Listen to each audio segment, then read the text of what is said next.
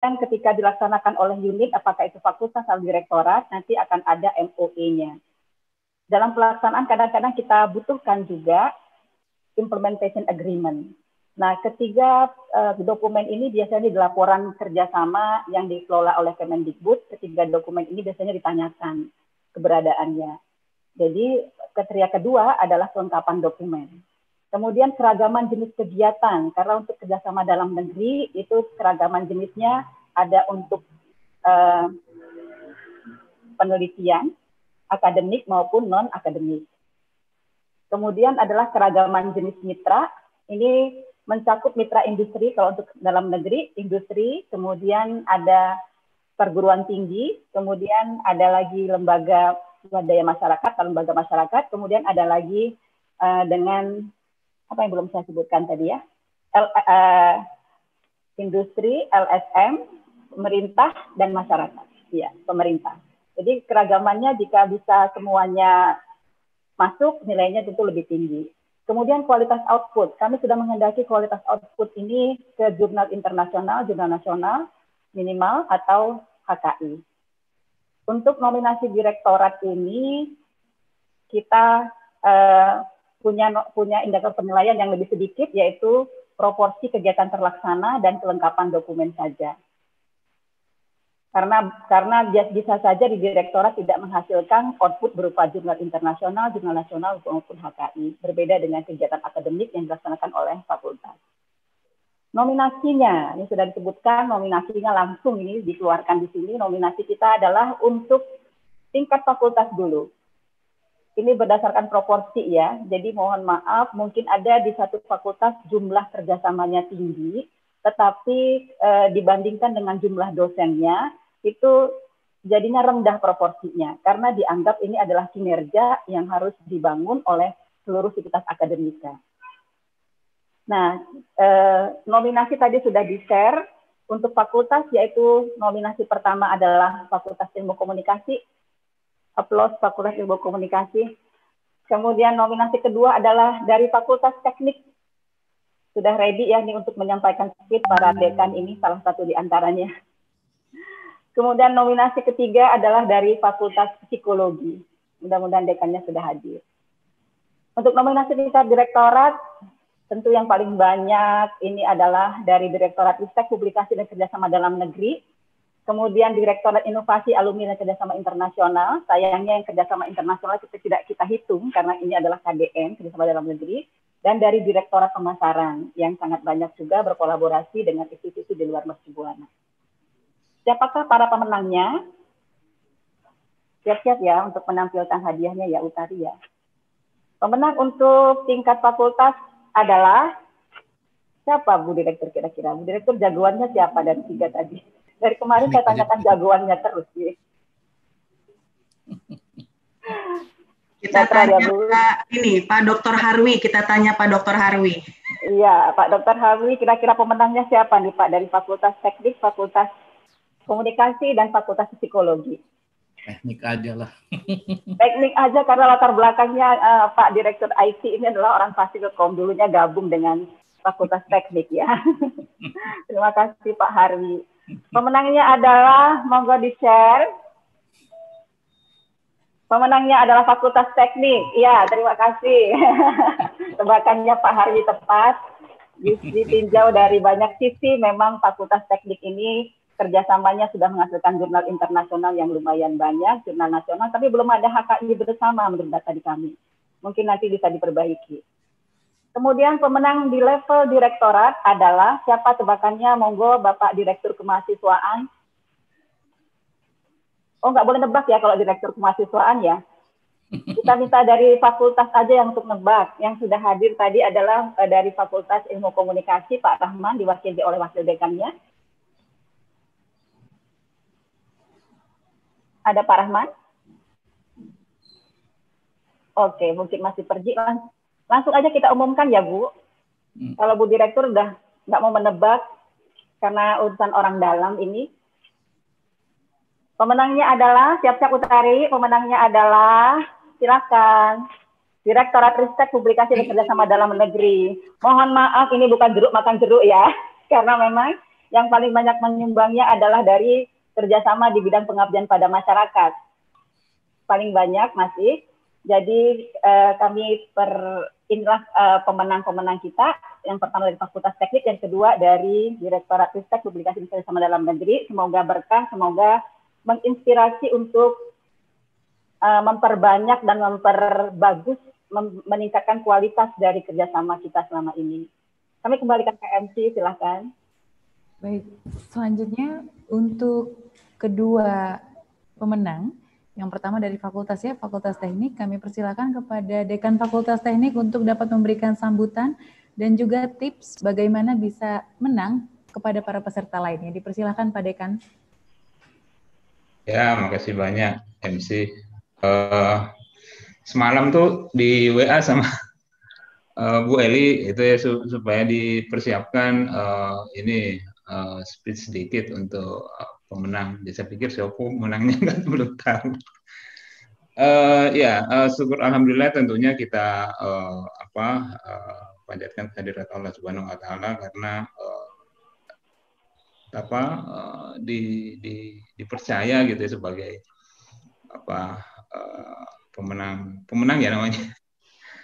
Ya, ya pemenang. Uh, ini most ya, most uh, apa? Most most partners unit. Most partnership ya. Partner paling banyak gitu ya ceritanya. Ya, ya. ya paling uh, paling bagus. Pasti karena teman-teman sudah uh, apa uh, tune in dengan iramanya uh, Ristek ya karena tadi Ristek itu kan sebenarnya kalau Pak Menteri itu triple helix ya Bu Direktur lebih keren lagi gitu ya, pentahelix gitu ya. Jadi ya ini uh, namanya motornya karena seperti ini sehingga teman-teman juga uh, apa uh, mencoba mengimbangi dan alhamdulillah uh, karena uh, apa teman-teman ini energinya anak-anak mudanya banyak gitu ya. Khususnya di di di Fakultas Teknik kan ada banyak anak muda di mesin gitu ya di uh, elektro. Uh, itu saya lihat yang banyak. Kalau yang di sipil, sipil juga ada yang muda-muda dan uh, apa perguruan perguruan tinggi industri kerjasamanya itu uh, harapannya sih sebenarnya bukan the most tapi lebih lebih uh, ke ini ada demand di situ ya. Jadi kalau sudah ada MOU-nya, MOA-nya, uh, kalau bisa sampai ke ke mana tuh ke ke paten gitu misalnya gitu ya. Jadi bukan hanya uh, riset-riset yang uh, apa apa yang kita inginkan saja, tapi apa yang kita butuhkan sebenarnya ke depan. Uh, dan ini mungkin uh, saya men-challenge kepada teman-teman di FT gitu ya supaya penelitian, pengabdian masyarakat dan jadi kerjasama yang sudah dibangun oleh teman-teman uh, di PPI bisa diteruskan ya tidak hanya sebagai apa namanya eh, MOU tapi harus ada uh, wujudnya dalam bentuk kerjasama dan bahkan kerjasamanya bisa sustainable gitu ya bisa berkelanjutan sehingga berdampak positif buat masyarakat dan juga buat kampus sebagai satu institusi pendidikan ya. Jadi sekali lagi ini kerja bareng sebenarnya jadi uh, kalau nggak ada teman-teman yang bersemangat yang yang uh, apa uh, punya energi lebih ya tentunya ini nggak nggak bisa terwujud gitu ya jadi terima kasih kepada uh, apa partner-partner yang sudah bersedia untuk uh, di apa di apa, join bareng lah kolaborasi kolaborasi dalam hal ini uh, sehingga ini bisa tercapai gitu ya. Nah kemudian uh, ke depan sih sebenarnya dengan Merdeka Belajar Kampus Merdeka uh, khususnya untuk di uh, apa kerjasama dengan industri itu bisa kita tingkatkan lagi bukan hanya uh, riset pengabdian masyarakat ya tapi juga dengan uh, nanti kami akan menitipkan mahasiswa untuk uh, melakukan magang misalnya gitu ya magang di, di di perusahaan dan itu akan kita ekivalensikan dengan uh, apa uh, sejumlah SKS tertentu gitu ya. Misalnya kalau dalam uh, magang itu bisa sampai enam bulan gitu ya. uh, ya kita harus berani uh, mengekvivalensikan uh, sama dengan 20 SKS misalnya. Ya tentunya uh, dengan pendampingan dari dosen dan dosen itu pun harus kita uh, apa kita nilai bahwa itu adalah satu satu uh, apa uh, beban beban kerja yang yang yang yang yang diakui gitu ya di kampus gitu ya. Jadi uh, harapannya sih memang dengan merdeka belajar dosen yang sering ada di luar gitu ya bisa di diekivalensikan sebagai itu salah satu beban uh, mengajarnya beban uh, dari akademik tri, tri dharma perguruan tinggi. Jadi itu barangkali ya uh, kalau apa namanya strat apa uh, apa strategi atau apa namanya sehingga bisa seperti ini ya ya. Itu karena karena uh, direktorat ristek dan pem, risteknya yang oke okay, gitu ya. Kalau tidak ada motornya tentunya juga akan akan akan sulit gitu ya. Jadi ini uh, apa ibaratnya kereta api gitu ya gerbongnya di depan itu luar biasa energinya. Jadi kita uh, kencang melajunya. Selamat sekali lagi buat uh, Direktorat uh, Ristek ya. Itu aja barangkali dari saya. Ini uh, semoga ini menjadi motivasi, menjadi buat teman-teman untuk uh, di ke depan tetap menjadi uh, apa uh, lead lead ya di, di, di bidang kerjasama. Jadi tidak hanya secara kualitas uh, tidak hanya secara kuantitas gitu ya, tapi juga secara kualitas. Jadi uh, riset, penelitian, pengambil, pengambilan masyarakat dan juga yang lainnya itu termasuk kampus merdeka bisa terwujud dengan adanya kerjasama triple helix bahkan pentahelix yang disampaikan oleh Bu Direktur. Itu barangkali Bu. Terima kasih banyak. Iya. Baik, selanjutnya untuk Direktorat Terbaik kepada Direktur Ristek Publikasi dan Kerjasama Dalam Negeri Universitas Mercu Buana, Dr. Devi, kami persilahkan. Ya, terima kasih Mbak Mutia. Uh, saya juga sebenarnya sama ya, seperti yang tadi disampaikan oleh Pak Dr. Mawardi bahwa uh, yang yang sebenarnya bekerja itu adalah teman-teman semua sivitas gitu ya Eh, kami di sini hanya uh, memfasilitasi, mendukung supaya uh, kolaborasi ini benar-benar bernilai, bermanfaat. Terutama nanti sangat dibutuhkan pada saat kita uh, melaksanakan akreditasi, gitu ya.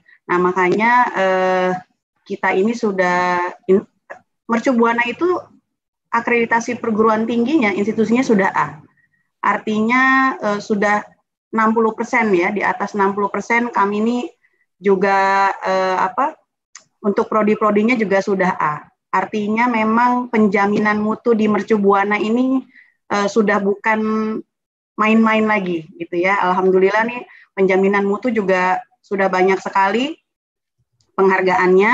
Nah, kalau sudah bicara penjaminan mutu, pasti kita bicara masalah mulai dari PPEPP ya Pak Pak Dekan tentunya udah paham sekali nih ya PPEPP ya mulai yeah. dari planning kemudian eh, apa penetapan evaluasi terus sampai yeah. dengan ujungnya adalah eh, feedback ya nah ini kalau tidak kita laksanakan setiap kegiatan dengan menggunakan koridor PPEPP saya sih khawatir justru malah nanti eh, mercubuana jadi rugi gitu ya. Ruginya apa? Karena kita sudah berinvest banyak uh, dengan mengadakan pelatihan dan lain-lain sehingga ya itu tadi tidak bisa digunakan. Nah, artinya ujungnya lagi ke mutu.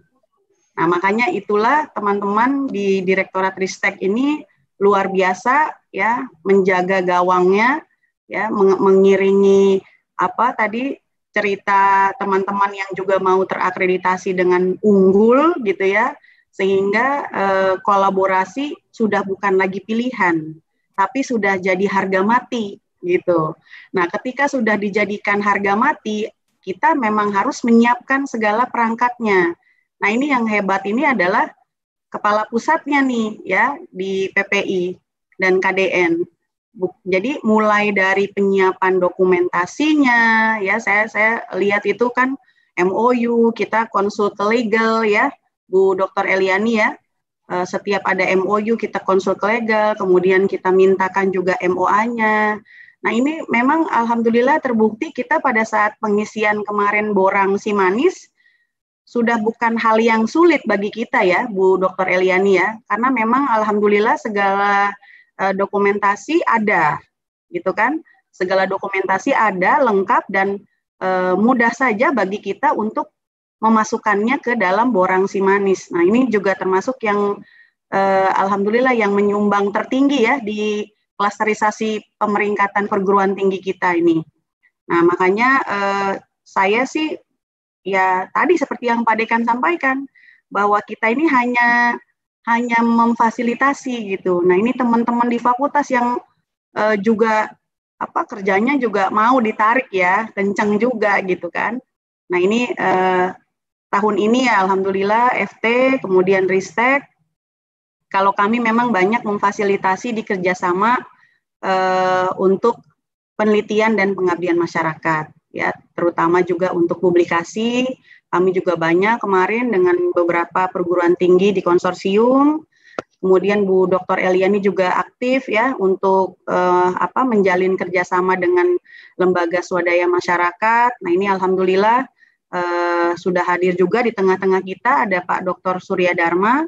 Nah ini uh, jangan lupa Bu Eliani, kita harus minta MOU-nya juga nih dengan beliau ya, uh, supaya nanti bisa kita manfaatkan untuk penelitian pengabdian uh, apa teman-teman dosen ya, eh, renewable energy sesuai dengan rencana Renstra Induk Pengembangan Penelitian kita memang ada di bawahnya FT nih, Pak Dr. Mawardi ya. Jadi renewable energy teman-teman di mesin, teman-teman di FT itu eh, apa udah luar biasa nih. Bisa kita fasilitasi dengan hal tersebut. Baik, mungkin itu saja yang bisa saya sampaikan. Eh, saya mohon maaf ini eh, ya mudah-mudahan Bu Eliani memberikan datanya eh, apa uh, tepat ya. Artinya memang sangat detil ya penilaiannya ya. Jadi bukannya jeruk makan jeruk loh ini ya. Jangan sampai ya gitu. Ini memang dan bisa dipertanggungjawabkan itu. Karena itu nanti kita buatkan SK rektor dan seterusnya. Baik, itu saja mungkin yang bisa saya sampaikan eh, apa Bu Dokter, Mbak Muti Ya baik, sekali lagi selamat untuk Direktorat Terbaik dan Fakultas Terbaik. Dan selanjutnya Bapak Ibu, acara akan saya serahkan kepada moderator. Acara akan dimoderatori oleh Dr. Eliani. Kepada Dr. Eliani kami persilahkan. Terima kasih Bu Muti. Selamat kepada Fakultas Teknik juga kepada Direktorat Teknik. Terima kasih Pak Dekan dan Ibu Direktur atas sambutannya.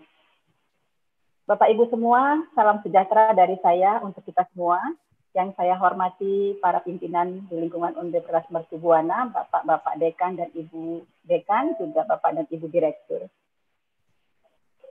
Kita mulai acara kita untuk ke sesi yang uh, utama kita yaitu mendengarkan partner talk, partner berbicara bagaimana dari sisi mitra apa yang sebaiknya kita kerjasamakan, ke mana arah perkembangan karena konsep kita sebetulnya adalah untuk menuju kalau saya melihat paparannya Pak Yun terpengaruh oleh Pak Yun adalah ke end user, konsumen adalah yang terpenting. Dan konsumen perguruan tinggi juga salah satunya adalah industri, masyarakat, dan pemerintah, sebab alumni kita nanti akan berkecimpung di ketiga bidang tersebut, saya kira. Saya, yang saya hormati Bapak para pembicara, yaitu Bapak Dr. Surya Dharma, Ketua Umum Masyarakat Energi Terbarukan Indonesia, juga sebagai Presiden Direktur PT Hasera Sagusa, Bapak Yun Tianto Chandra, ini sebetulnya banyak pertanyaan Pak Yun apa Jun gitu nanti tolong dijelaskan panggilannya bagaimana. Direktur PT Emporia Digital, juga CEO Iki Modal, kemudian Bapak Said Mirza Pahlevi yang nanti akan bergabung di kita sekitar jam 10. Dokter Engineering, Master Engineering, Kepala Pusat Data dan Informasi Kesejahteraan Sosial Kementerian Sosial Republik Indonesia. Para undangan dari industri, Bapak Baharudin, General Manager Sumber Daya Manusia dan Umum Perum Percetakan Negara atau yang mewakili Bapak Henry Yunus, K, Kepala Divisi Pengembangan dan Pengelolaan Sumber Daya Manusia PT Permodalan Nasional Madani atau yang mewakili Bapak Ronald yang semalam uh, WA-an dengan saya karena ada TV desa yang akan meliput kita, cuma saya agak ragu-ragu untuk menerimanya karena saya ini bawain Pak Yun nih ke sini nih yang security-nya luar biasa sebagai orang IT. Kalau cari fotonya Pak Yun yang Chandra di Google itu seperti mencari jarum dalam jerami. Jadi karena saya belum berdiskusi dengan para pembicara apakah mau diliput atau tidak, jadi untuk sementara eh, kita tidak dulu diliput ya. Kemudian kepada Ibu Siti Nurdiana, Grup Head Mandiri Syariah Universitas Bank Syariah Mandiri atau yang mewakili.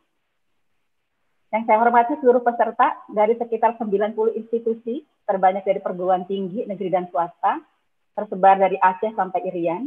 Assalamualaikum teman-teman dari PTN dan dari PTS. Dari PTN ada Politeknik Negeri Lok Sumawe, mungkin tidak bisa saya sebutkan satu persatu, ini yang dari Aceh. Universitas Sriwijaya ada Prof. Ari Nafil, yang juga dosen di Vietnam teman di DAD alumni, selamat datang ya Prof. Ada Prof. Nurhayati juga dari Universitas Jambi.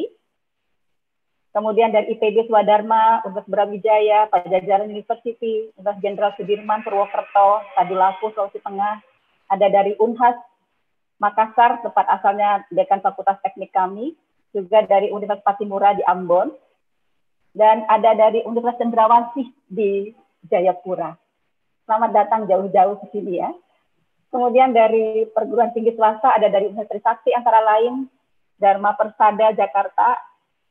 Kemudian yang melingkan saya ke Pak Surya Dharma ini dari teman-teman dari Unsada, Unsada ya panggilannya kalau nggak salah, Dharma Persada. Kemudian dari teman-teman PT Asuh UMB kerjasama penyelenggaraan program PT Asuh Kemendikbud sekarang dari Urs Cordova. Assalamualaikum Pak Ustadz Bajid dan teman-teman. Dari Matlaul Anwar juga ada kemudian dari Universitas Muhammadiyah Kudus, kemudian ada dari mana lagi nih? Ada banyak pesertanya ya. Ada dari Ngurah Rai Bali, ada dari Palangkaraya Kalimantan, ada universitas yang saya maaf baru dengar ada ACIA University Subang dari Subang dan teman-teman lain mohon maaf tidak bisa disapa satu persatu. Juga dari industri kita hadir dari PT Pertamina, dari PT Pelita Kencana Mandiri pesertanya, dari UPC Renewables, dari PT Indonesia Infrastructure Finance, dari PT Prakarsa Design Konsultan, selamat bergabung dan selamat uh, memperluas kerjasama dengan perguruan tinggi yang sangat banyak hadir sekarang. Dari pemerintah, ada dari Bapeten, dari Kementerian Sosial tentu saja, dari Dinas Sosial hampir uh, di banyak daerah, ada dari Semarang, Cilacap, ini fansnya Pak Said Mirza Pahlevi. Juga Bapak Ibu dari METI, dan mahasiswa pasca sarjana terutama dari Universitas Mercubuana latar belakang keilmuan juga sangat beragam dari ilmu komputer, sipil, mesin, bahkan ada yang dari kesehatan. Luar biasa, ternyata corona menyatukan kita ya Bapak Ibu ya, mempermudah kita untuk bertemu secara online sehingga semua Bapak dan Ibu tidak perlu beli tiket, kita sudah ada di sini bersama-sama. Luar biasa dari 90 institusi. Dan saya juga mengucapkan terima kasih kepada grup-grup yang sudah menginformasikan kegiatan ini. Ada ada Pak Hajas dari BRIN yang membantu mengedarkan ke grup-grup pejuang mutu. Mungkin Bapak Ibu mendapatkan informasi dari sana. Dari grup verifikator cinta, Ibu Direktur kita adalah verifikator cinta ya Bu ya. Dan juga dari grup alumni DAD, alumni IPB, dan lain-lain. Terima kasih untuk semua yang telah menyebarluaskan kegiatan ini. Semoga bermanfaat. Cuma sayangnya nih yang masuk baru setengahnya ini. Bapak Ibu, karena ini hari Jumat, kita langsung saja ya mendengarkan paparan dari para pemateri yang saya yakin luar biasa sekali menguasai materi-materi yang akan beliau paparkan. Semoga sama-sama kami berharap bermanfaat dalam pengembangan IPTEK dan dalam meningkatkan kolaborasi kita dengan dalam membangun bangsa secara bersama. Pokoknya bersama kita bisa, itu adalah uh, mutunya UMD. Namun sebelum mendengarkan paparan, sudah kami sampaikan melalui tata tertib Bapak Ibu ya, supaya bisa bertanya melalui chat Zoom atau YouTube streaming dengan memulainya dengan kata tanya. Dan tentu Bapak Ibu, kami persilakan tetap dalam posisi mute. Paparan pertama adalah dari Bapak Dr. Surya Dharma, Ketua Umum METI, dan Presiden Direktur PT Hasera Sagusa, mantan Direktur Operasi Pertamina Geothermal Energy, mantan Presiden Indonesia Geothermal Association, INAGA, dan sampai sekarang pun beliau masih aktif di INAGA. Paparan beliau adalah dengan judul Peran METI dalam Pengembangan Energi Terbarukan, IT, saya pikir tadi IT-nya apa, menuju era energi rendah karbon. Materi materi beliau kami edarkan melalui grup WA peserta ya Bapak dan Ibu ya. Waktunya sekitar 45 menit ya Pak. Kami persilakan Pak. Selamat datang Pak Surya Dharma. Eh, baik, terima kasih. Assalamualaikum warahmatullahi wabarakatuh. Apakah terdengar Bu Eli? Terdengar Pak, terdengar Pak, sangat terdengar Pak. Baik. Ya, bagus. Baik, terima kasih. Uh, saya bersyukur di hari yang sangat mulia ini, hari Jumat, dan sebagian besar barangkali ada juga yang sedang berpuasa di hari Tasyu'a di bulan Muharram ini. Selamat berpuasa. Selamat juga pada uh, Bu Devi tadi, Pak Dekan, Pak Mawardi yang telah terpilih menjadi uh, the best ya dari uh, kegiatan yang dilakukan oleh UMB. Uh, kami merasa terhormat dari masyarakat energi terbarukan uh, diundang pada kesempatan ini karena jarang-jarang uh, saya kira ini adalah pertama kali kami hadir di Universitas Mercubuana. Walaupun di beberapa perguruan tinggi yang lain saya, saya kira sudah berulang kami, berulang kali kami hadir. Uh, saya ingin share apa yang uh, ingin kami uh, sampaikan pada pagi hari ini karena waktu yang sangat terbatas. Nanti saya mohon maaf Bu Eli nanti barangkali akan ada uh, apa namanya saya akan gabung tempat lain setelah bicara tapi saya tetap monitor di sini jadi kalau ada pertanyaan-pertanyaan nanti insya Allah saya akan jawab karena ada dua uh, kegiatan yang bersamaan nanti pada jam 10 uh, pagi ya mudah-mudahan sebelum itu sudah bisa selesai. Uh, saya akan share uh, bisa dibuka ya. Izin oke. Okay. Uh,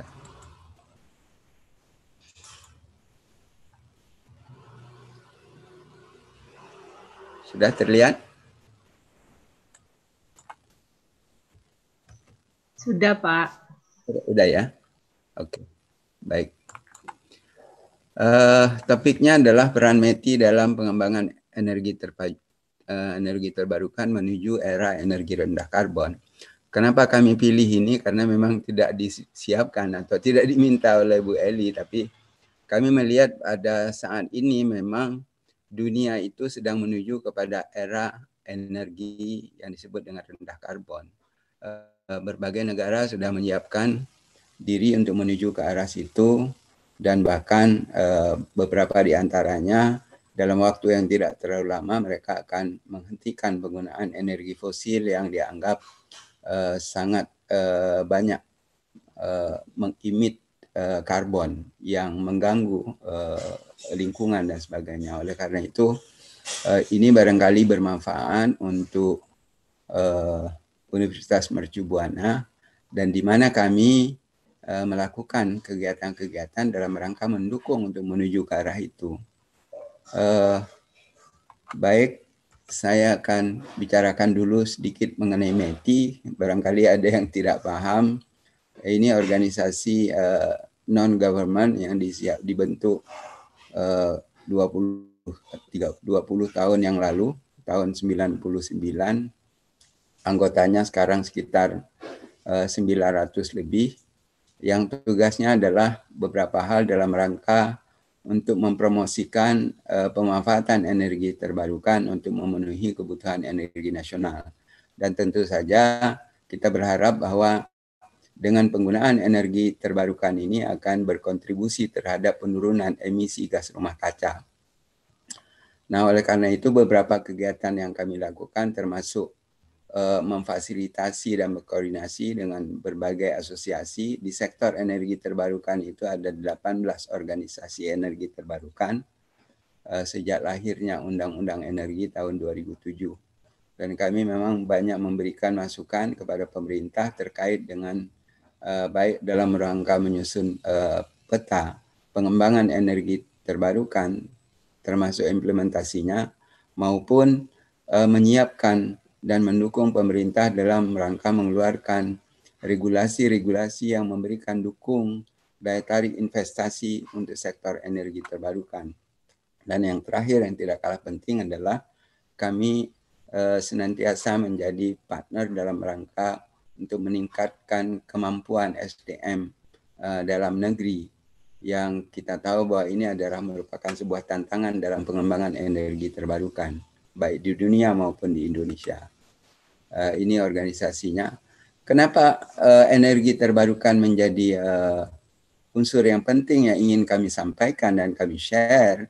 Itu disebabkan karena posisi energi terbarukan yang terdiri dari enam klaster yaitu mulai dari air, angin, matahari, kemudian bioenergi, bioenergi itu termasuk biomasa, kemudian uh, biofuel dan lain-lain.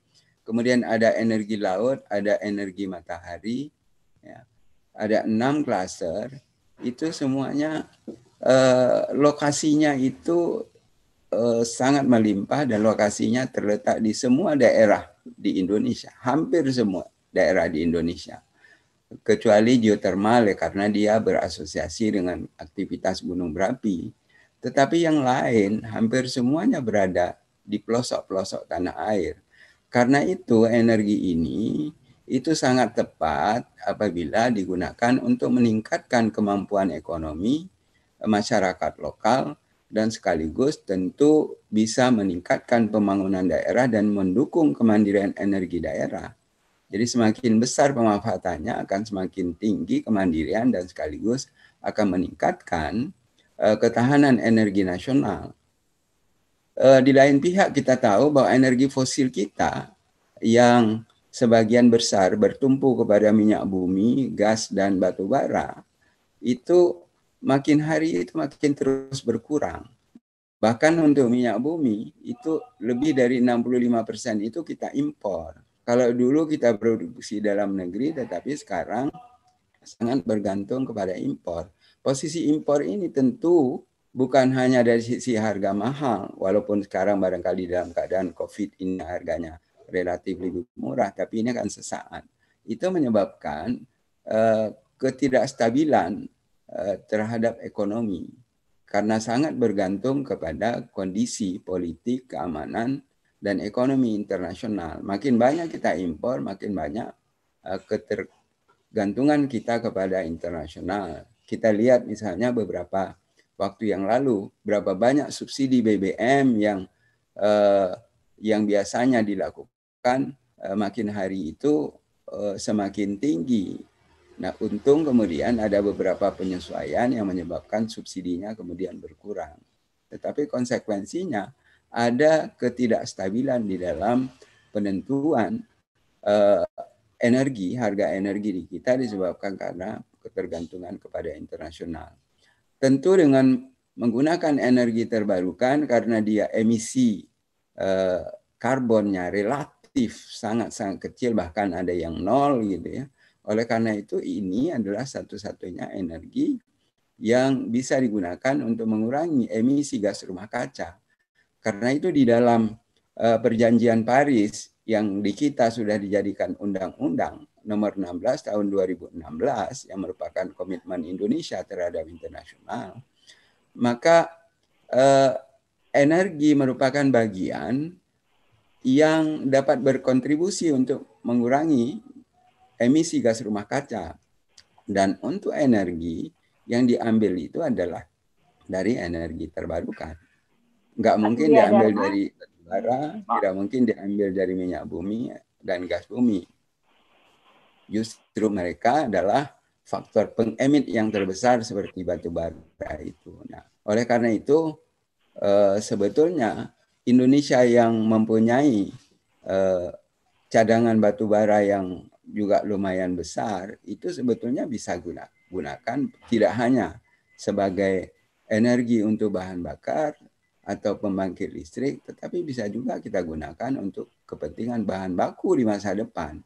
Tetapi kalau ini kita gunakan seperti pola yang sekarang, tentu akan menghasilkan emisi gas rumah kaca yang makin tinggi dan itu akan berpengaruh kepada uh, perubahan iklim.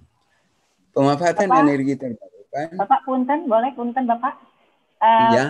PowerPoint-nya nggak gerak ini Bapak, boleh di. Uh, ya memang saya tidak gerakkan memang di sini masih di sini. Oh, I see. Ya, baik Bapak, ya. terima kasih. Pemanfaatan energi terbarukan itu akan menjamin pembangunan secara berkelanjutan. Kenapa berkelanjutan? Karena dia adalah sustainable karena dia terbarui, berbeda dengan energi fosil yang tidak terbarui ketika dia akan berakhir akan habis tentu dia konsekuensinya juga akan habis. Ini oleh karena itu, energi terbarukan itu akan menjamin ketahanan energi secara nasional. Yang ini yang menjadi persoalan besar di kita. ya sampai sekarang ini. Nah, bagaimana tren global dalam pengembangan energi terbarukan ini barangkali bisa kita lihat ya.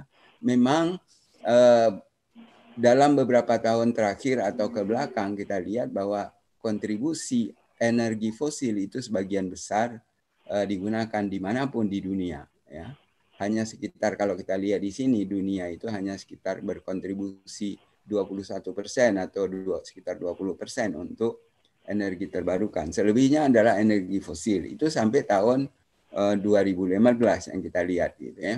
Kemudian untuk kelistrikan juga begitu. Untuk kelistrikan energi terbarukan itu baru berkontribusi sekitar 26,5 persen. Ya. Ini sampai tahun 2017. Setelah 2017 banyak sekali perubahan-perubahan. Saya tidak tampilkan data di sini, tetapi jauh lebih besar dari ini. Banyak banyak sekali perubahan. Ada perubahan di Cina, ada perubahan di India. Kalau di kawasan Asia, ada perubahan di uh, uh, Vietnam dan sebagainya, di Thailand. Mungkin di kita belum terlalu banyak berubah. Gitu, ya. Uh, ini adalah uh, pertumbuhan ET energi terbarukan yang uh, kalau kita lihat dari hari ke hari itu memang lebih tinggi dibandingkan dengan fosil dan uh, nuklir. Oleh karena itu bisa kita matikan screen kita ambil alih.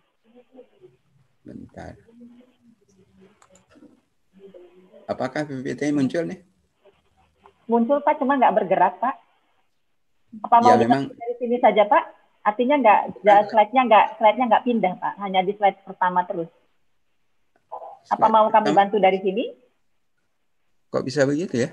Iya, di, dipindah, dialihkan ke sini aja ya Pak ya, biar ada ada staff oh, di sini okay. yang bantu untuk ya. Okay. Saya saya sudah pindah di sini, tempat saya udah pindah dari tadi udah. Jadi, sudah Pak, bergerak. Di sininya, uh, di sininya tidak ternyata. Kami take over di sini ya Pak ya, izin ya Pak. Gitu ya. Iya.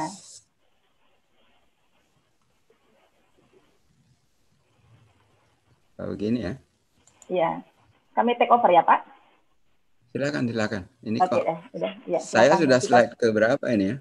Iya, ini di sini masih depannya aja terus Pak. Mas. Banyak yang dari chat yang oh, gitu. bergerak. Maaf, ya, maaf, kami maaf. sudah ya, kami sudah share di grup di grup WA ya Bapak Ibu ya, materi dari Pak Meti, Pak eh Pak, maaf maaf Pak Pak Surya Dharma dari Ketua Umum Meti.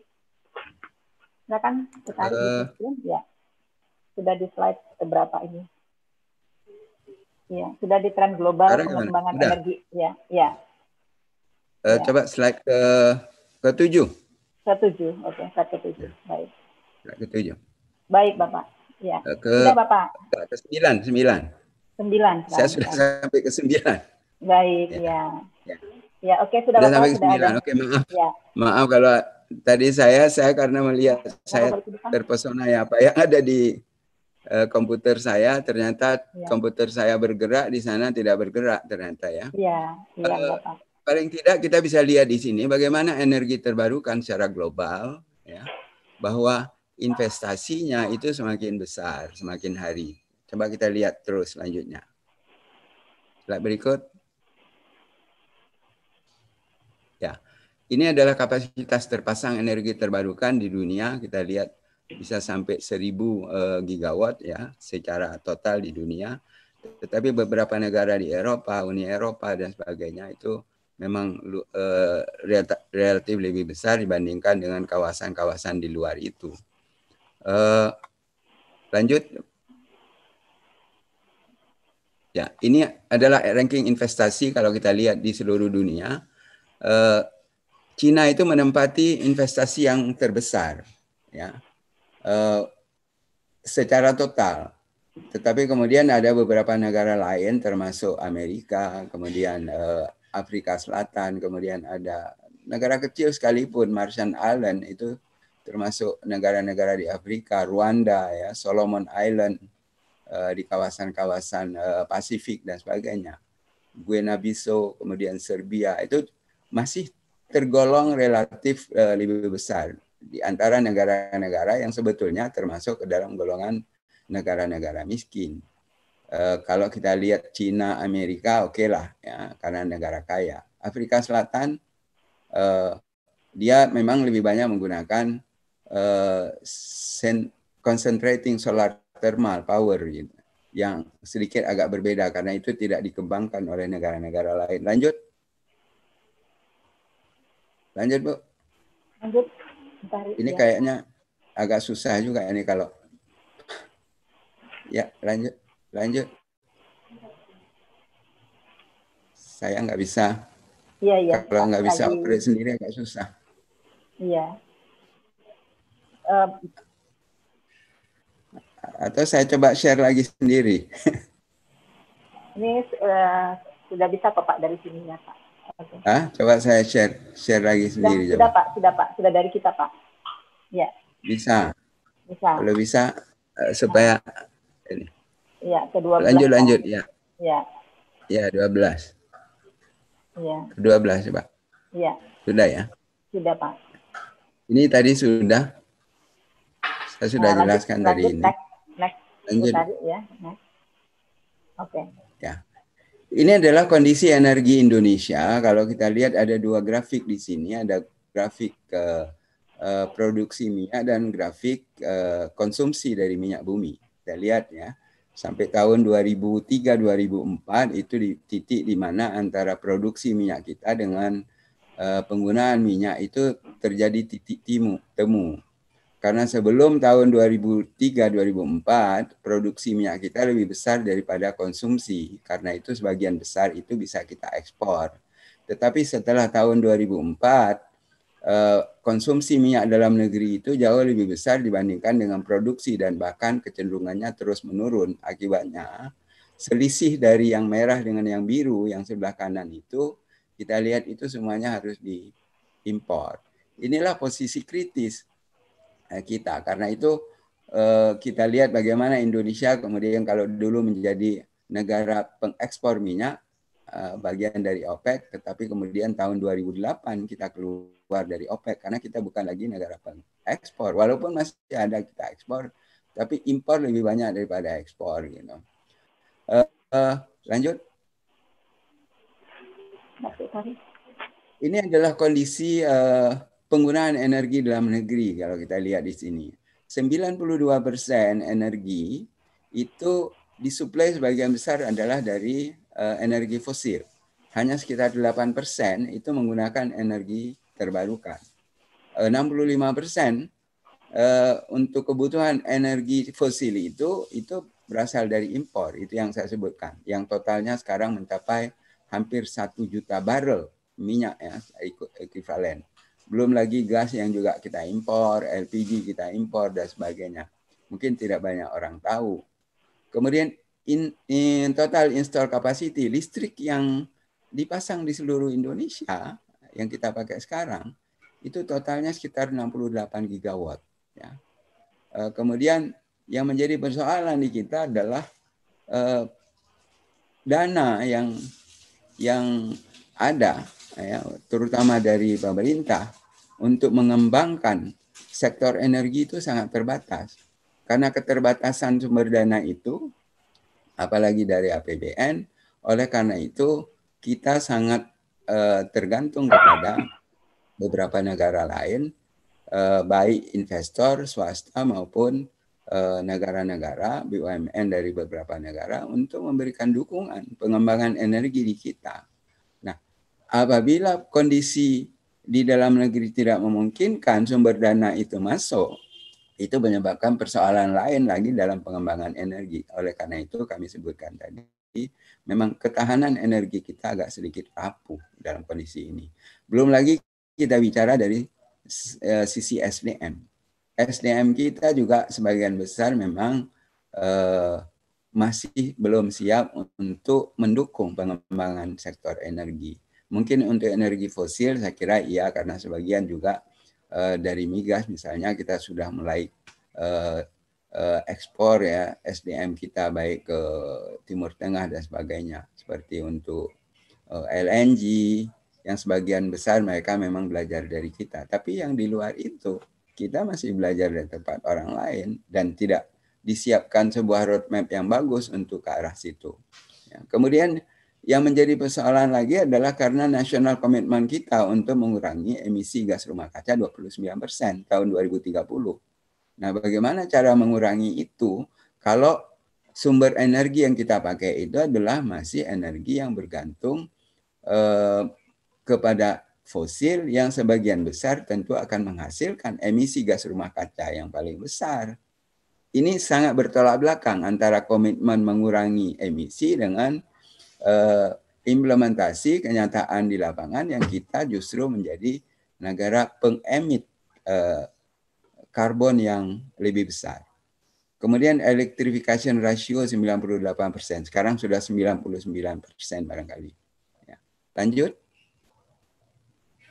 Ini kalau kita lihat kapasitas uh, pembangkit listrik di seluruh Indonesia, ini saya buat grafik tahun 2017 tahun 2019 itu tidak berbeda dengan kondisi ini karena tidak ada uh, penambahan yang signifikan dari energi terbarukan sementara yang bertambah itu adalah dari pembangkit listrik batu bara. Jadi yang sebelah kiri PLTU yang menjulang yang sangat tinggi itu warna biru itu adalah pembangkit listrik tenaga batu bara yang sekarang kontribusi di Indonesia pembangkit listrik batu bara untuk keseluruhannya itu sudah 63 persen. Ya, 63 persen dari uh, pembangkit listrik di Indonesia itu adalah menggunakan batu bara. Jadi bisa kita bayangkan ada beberapa protes misalnya sebelum COVID-19 ini kok Jakarta sangat kotor gitu ya, uh, langitnya tidak bersih dan sebagainya. Ya konsekuensi itu. Jadi jangan kita salahkan kepada Jakarta, tapi salahkan juga kepada kita semua yang menggunakan energi itu. Selama energi itu kita tidak beralih kepada sektor energi yang lebih bersih, ya konsekuensinya ya kita terima. Tetapi bersyukur kemudian COVID ini ternyata merubah berbagai uh, perilaku hidup itu ya. Bahkan tidak hanya di Indonesia, di dunia juga begitu. Beberapa negara di dunia yang mengurangi penggunaan energi uh, listriknya, sebagian besar yang dikurangi itu adalah dari listrik batu bara. Dan karena itu uh, dunia akan semakin uh, bersih dalam beberapa bulan terakhir. Lanjut, Bu. Nah, pertanyaan uh, bagi kita dalam pengembangan energi terbarukan. Silakan dilanjut, klik lagi. Ya. Pertama, apakah pengelolaan energi itu sudah optimal kita lakukan di Indonesia? Ini yang saya kira belum. Kenapa saya katakan belum optimal? Sumber energi terbarukan itu komplit tetapi pemanfaatannya sangat kecil ya. Dibandingkan dengan energi fosil yang eh, kapasitasnya atau cadangannya kecil tetapi pemanfaatannya besar. Artinya kapasitas eh, cadangan kecil penggunaan besar makin mempercepat habis tetapi di lain pihak energi terbarukan. Potensi besar tapi pemanfaatan kecil padahal itu adalah selalu terbarukan jadi ada kontradiksi di dalam pengelolaan energi uh, secara nasional. Saya kira ini yang sekarang ini akan dicoba untuk diselesaikan oleh pemerintah. Apakah kita ada keinginan untuk melepaskan diri dari ketergantungan terhadap bahan bakar fosil? Sampai sekarang kan belum. Ya. Sampai sekarang belum kita lihat.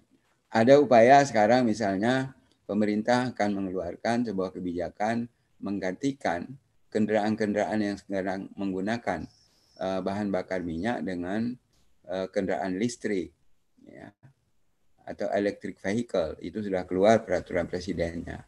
Tetapi masih banyak pertanyaan, apakah kemudian uh, kendaraan listrik itu akan tetap juga menggunakan uh, energi fosil yang itu juga akan cepat habis. Kalau masih tetap menggunakan itu, artinya kita belum bisa melepaskan diri dari ketergantungan kita kepada fosil. Apakah energi terbarukan sudah dimanfaatkan secara optimal? Itu belum, saya kira tadi saya sudah jelaskan. Bagaimana terhadap ketahanan energi dan ketersediaan energi?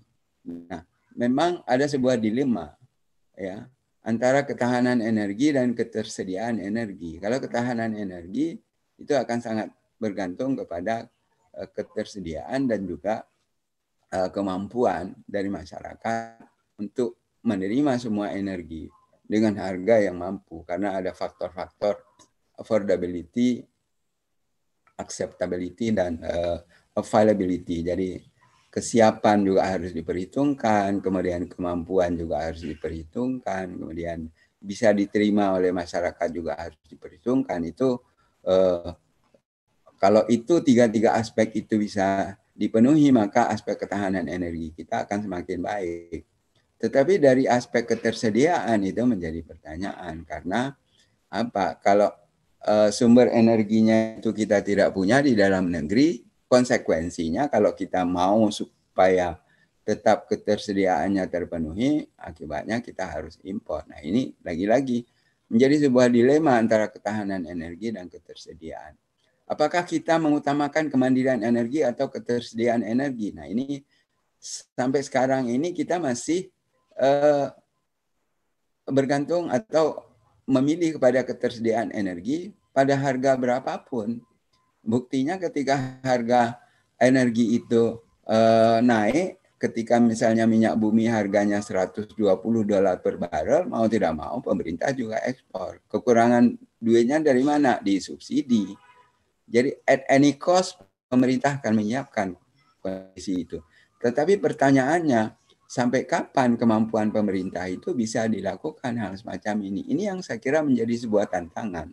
Saya dalam beberapa uh, kunjungan kuliah umum ke beberapa perguruan tinggi, ini saya sampaikan karena kenapa? Karena ini menjadi sebuah tantangan bagi perguruan tinggi untuk menyampaikan atau melakukan kajian-kajian yang tepat yang kemudian disampaikan kepada pemerintah sehingga pemerintah bisa mengambil kesimpulan yang tepat. Apakah pemerintah memiliki kemampuan dana yang cukup? Nah, ini saya kira pasti tidak. Ya, pasti tidak gitu. Untuk kita kembangkan sebuah energi aja untuk energi terbarukan yang sudah disusun di dalam roadmap, misalnya panas bumi sampai tahun 2025 itu kita butuh 35 miliar dolar Amerika. 35 berapa triliun ya? 35 miliar dolar Amerika. Jadi lebih dari 350 triliun. 350 triliun atau hampir 500 triliun ya karena 15 ribu ya. Jadi coba kita bayangkan itu baru untuk satu sektor 500 triliun. Dari mana kita alokasikan anggaran APBN kita aja hanya ada 2000 2000 sampai 2300 triliun. Itu untuk seluruh aspek gitu. Nggak mungkin itu. Itu baru satu sektor. Nah karena itu memang perlu sebuah uh, kebijakan dan leadership yang harus dilakukan oleh pemerintah dalam rangka untuk bisa menarik berbagai pihak untuk bisa masuk mengembangkan itu. Jadi peran tidak hanya pemerintah tapi juga peran swasta, peran perguruan tinggi dan sebagainya. Itu harus dilakukan secara bersama-sama. Apakah kita membeli atau menyiapkan teknologi ini yang saya kira sebagian besar kita pasti akan bisa menjawab bahwa kita lebih banyak membeli dibandingkan yang menyiapkan. Ya, perguruan tinggi kita, kemudian institusi-institusi riset kita tidak mengarah ke arah itu. Ya. Kita lebih banyak membeli.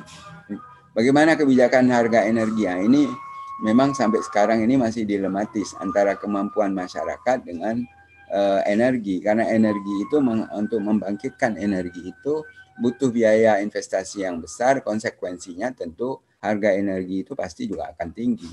Tetapi karena kemampuan masyarakat yang rendah ini harus dikompensasi oleh pemerintah agar dua-duanya. Atau kalau tidak pemerintah harus mampu meningkatkan kemampuan ekonomi masyarakat. Nah, ini yang sampai sekarang belum diselesaikan. Kemudian yang terakhir, bagaimana kesiapan SDM untuk sektor energi?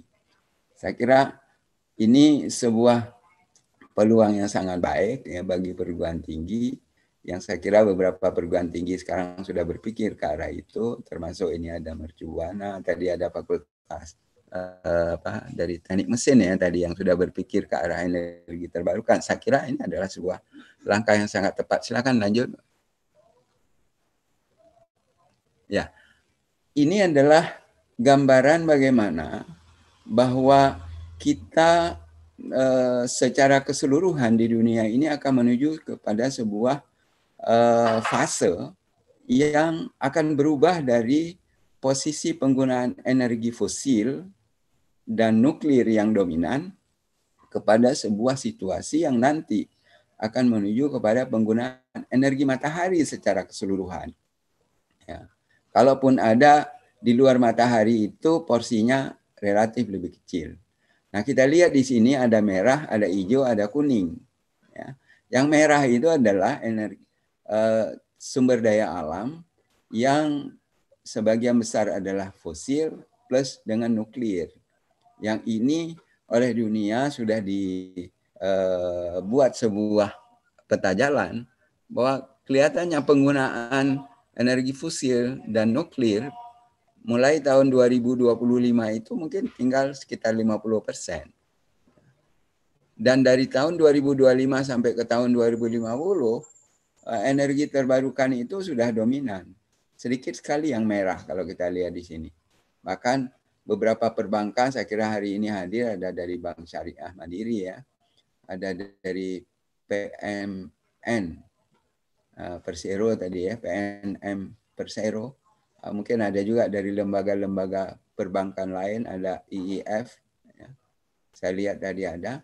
Nah, mereka memang sekarang sudah lebih cenderung untuk membiayai proyek-proyek energi terbarukan dibandingkan dengan proyek-proyek energi fosil.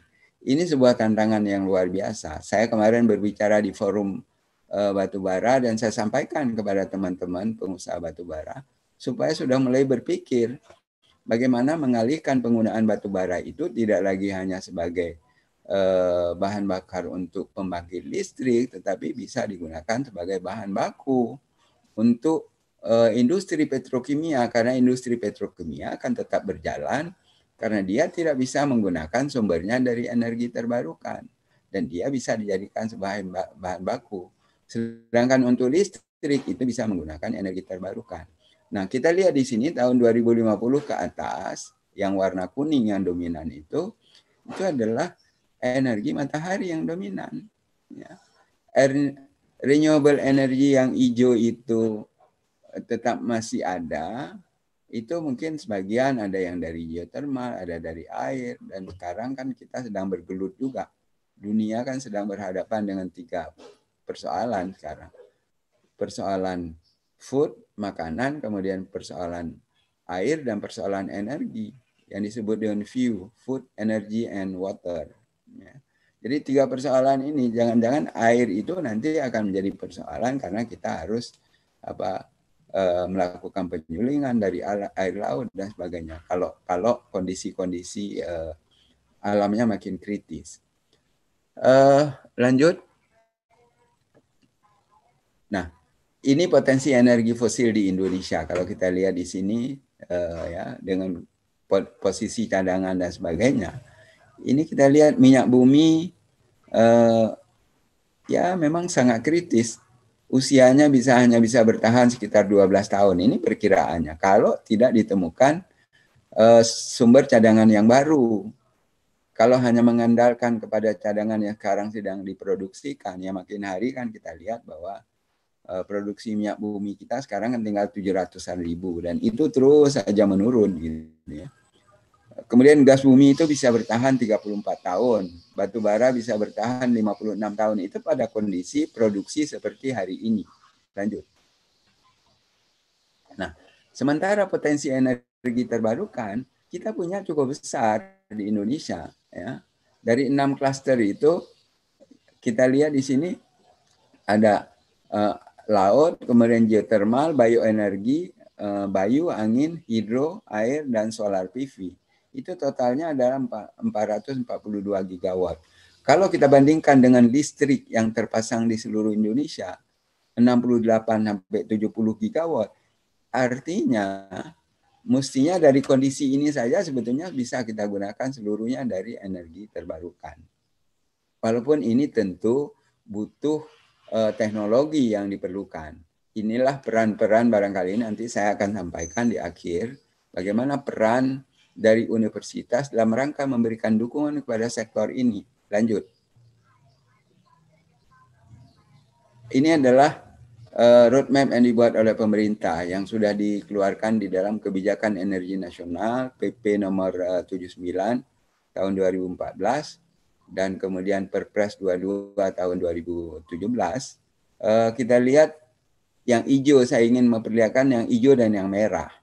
Yang hijau itu adalah energi terbarukan ya mulai dari 5% kemudian diharapkan tahun 2025 itu 23%. Itu eh, persentasenya meningkat jumlahnya juga kuantitasnya juga meningkat karena kebutuhan energi makin ke depan itu makin meningkat.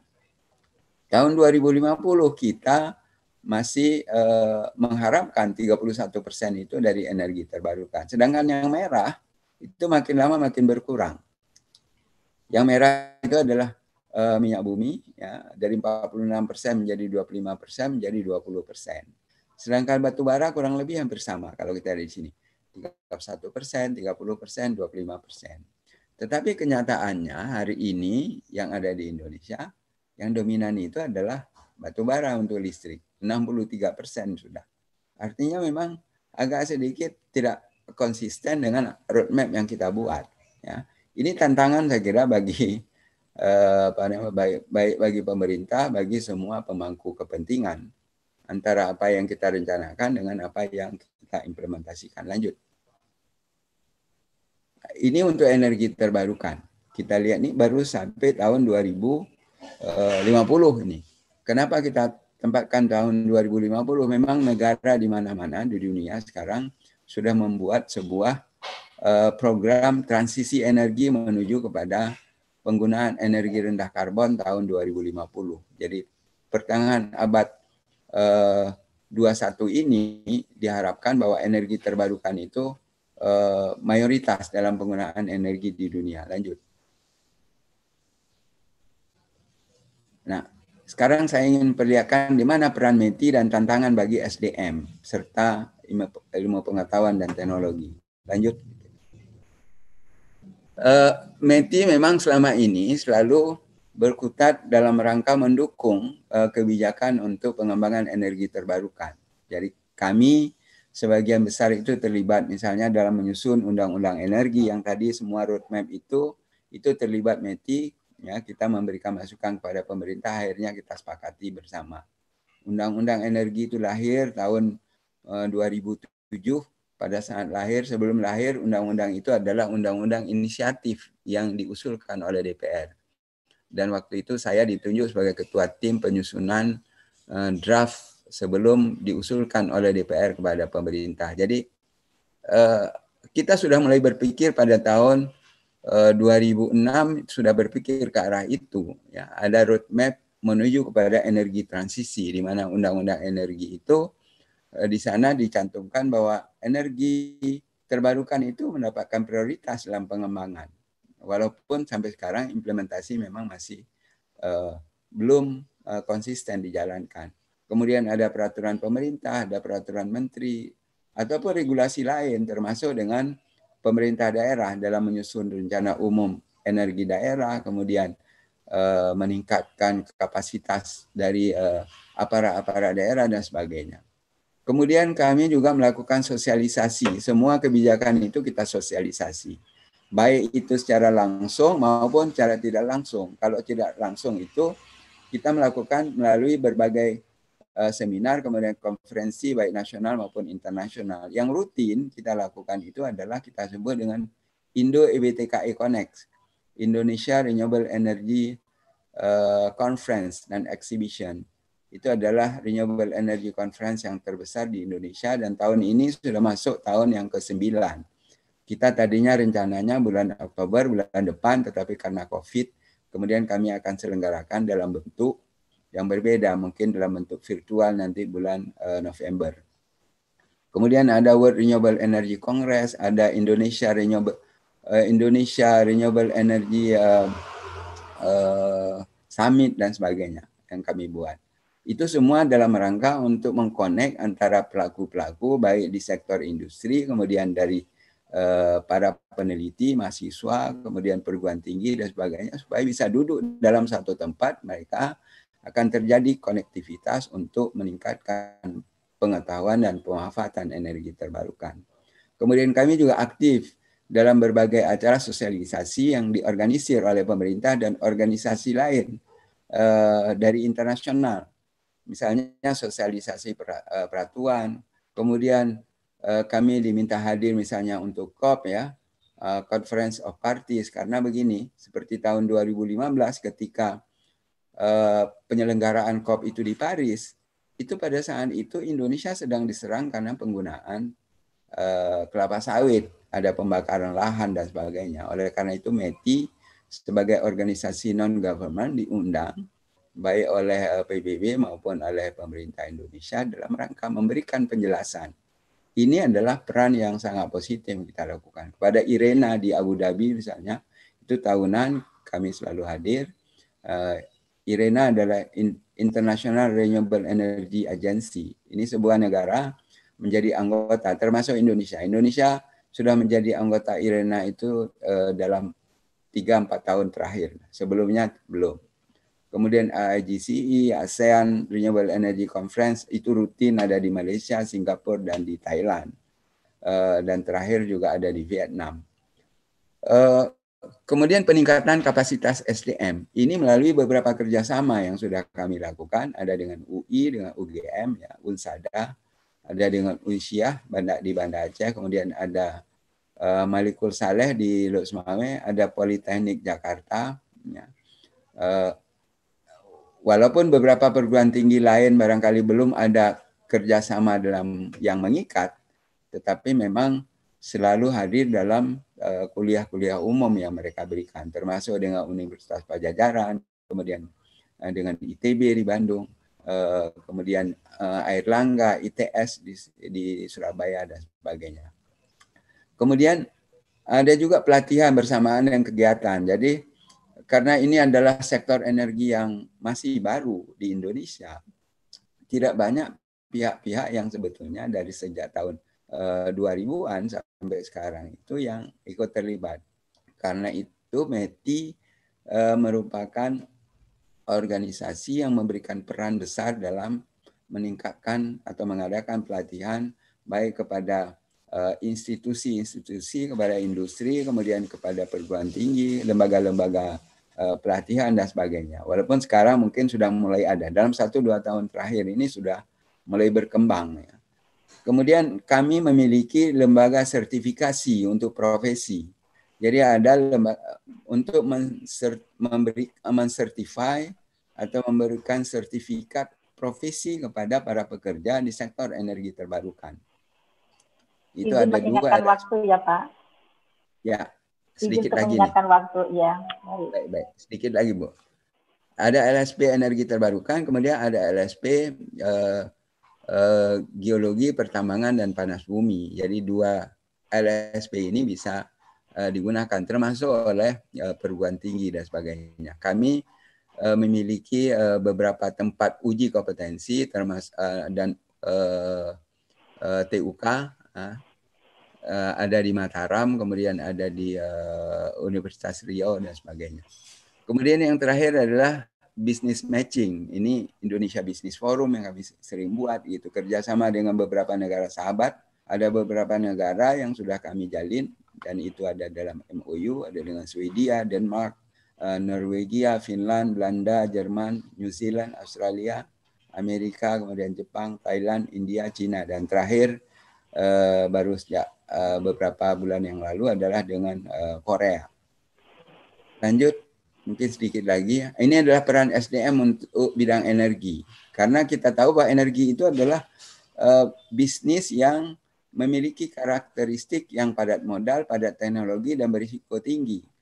Oleh karena itu, semua aspek-aspek ini memiliki uh, memiliki uh, resiko yang baik dari sisi uh, modal, bagi pemegang modal, risiko bagi teknologi, risiko bagi uh, uh, teknik gitu ya, secara geologi, secara finansial, lingkungan, risiko sosial, risiko politik, risiko operasional dan sebagainya.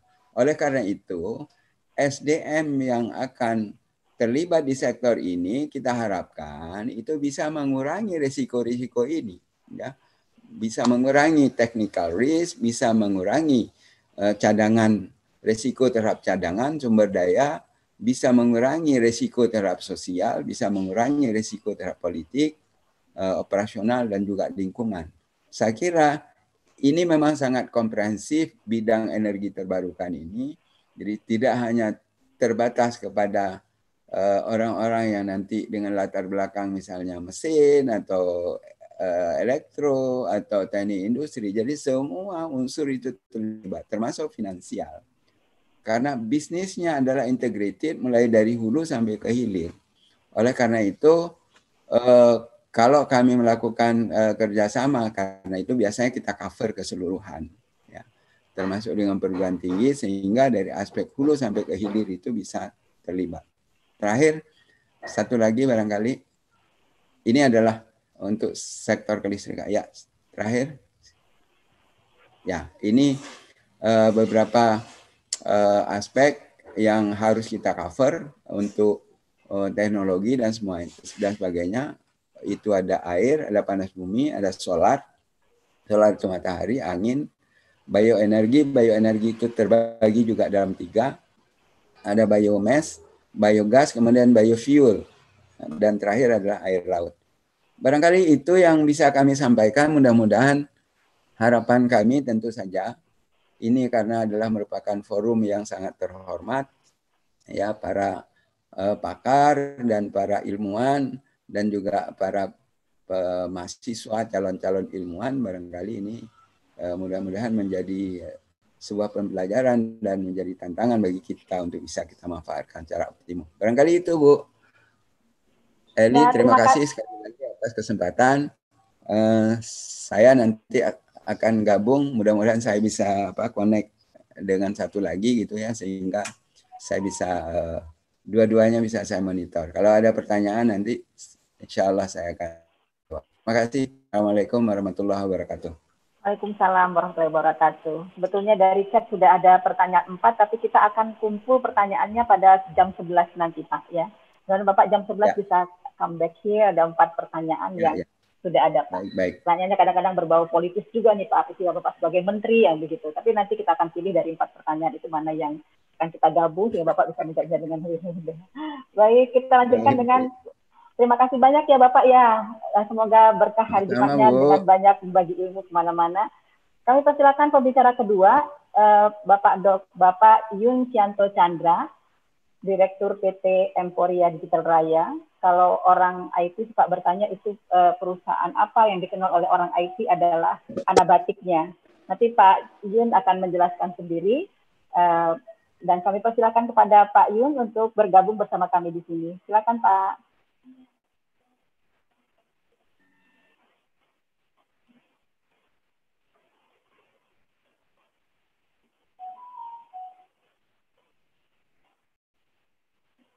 Pak Yun, apakah sudah ready?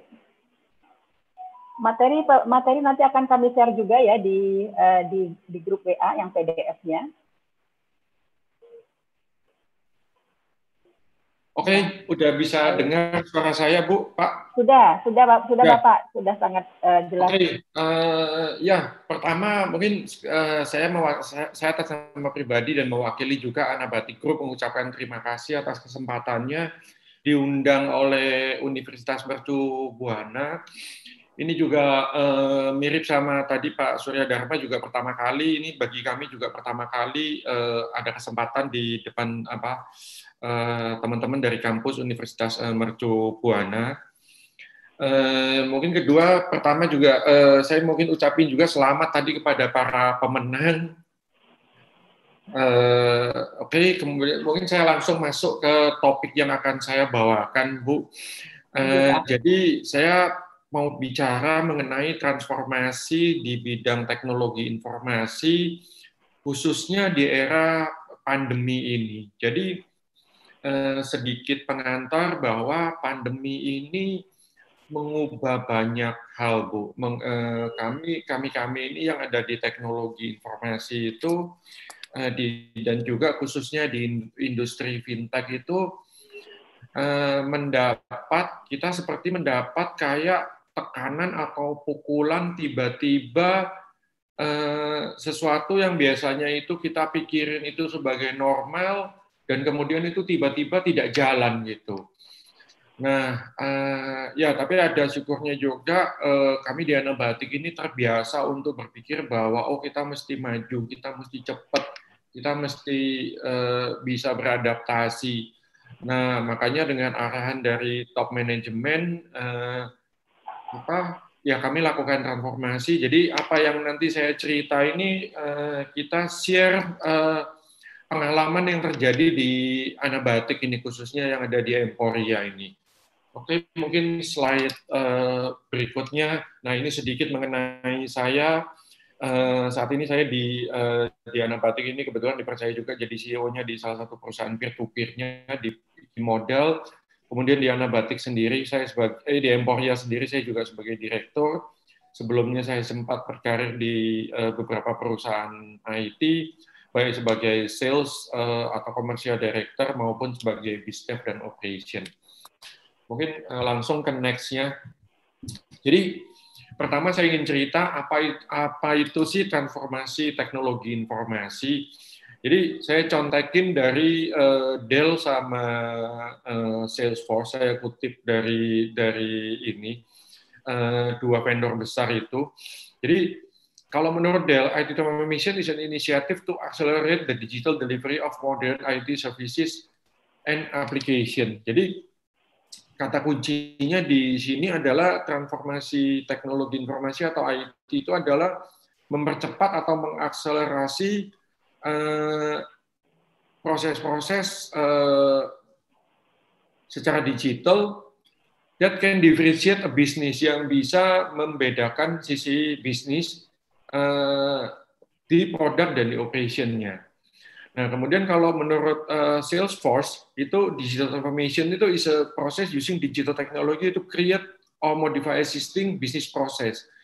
Jadi uh, kalau menurut Salesforce itu uh, mirip di mana digital transformation atau IT transformation itu adalah proses menggunakan teknologi untuk membuat baru atau memodifikasi existing uh, business process, kultur dan customer experience untuk uh, memenuhi kebutuhan bisnis dan market. Jadi uh, di sebelah kanan itu sedikit ngasih uh, gambaran bahwa transformasi itu uh, di teknologi informasi itu uh, secara garis besar ada di tiga tiga aspek itu yaitu prosesnya sendiri, datanya sendiri, dan tengah-tengah tentunya mesti disupport sama uh, teknologinya itu sendiri. Jadi Eh, transformasi teknologi itu nggak cuman uh, ya kita beli software, kita benerin IT, tapi juga data dan prosesnya kita juga mesti uh, transform juga. Oke, okay, next slide-nya.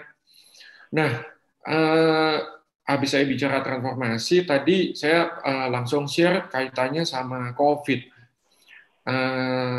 Tadi sempat saya share juga bahwa COVID ini membuat kita di yang berkecimpung sehari-hari di teknologi ini mesti berpikir uh, keras gitu bahwa uh, sesuatu menjadi sesuatu akan menjadi tidak seperti biasanya lagi. Kalau biasanya seperti ini, kalau biasanya orang ke mall, sekarang orang tidak ke mall. Kalau biasanya orang ketemu, sekarang orang tidak ketemu gitu. Nah, sesuatunya uh, segala sesuatunya menjadi tidak normal, tidak biasa gitu. Nah, Eh, makanya pertama yang paling penting eh, di sini yang kami pelajari dan dari pengalaman kami itu adalah customer. Jadi eh, ya sebelum ada COVID ini saya saya yakin saya percaya sebagian besar dari kita mungkin nggak kenal Zoom kali.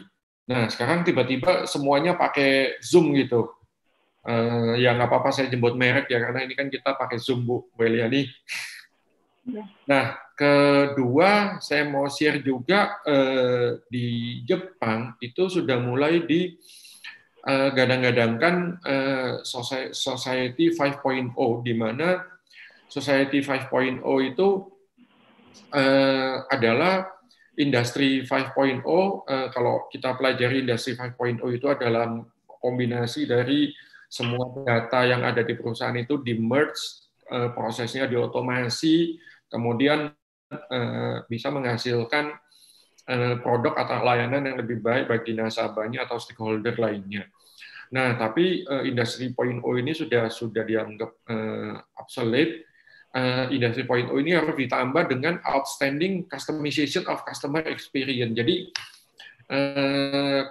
di poin kedua ini saya ingin tegasin bahwa customer experience lah adalah yang utama gitu di mana kalau kita bicara mengenai society 5.0 kata kuncinya ada di empat itu. Enterprise agility kita sebagai perusahaan mesti bisa lincah mesti bisa agile. Kemudian mass customization eh, kita implementasinya juga mesti bisa mass. Kita nggak boleh berpikir bahwa oh aplikasi kita atau sistem kita hanya dipakai 100 eh, orang 1000 orang.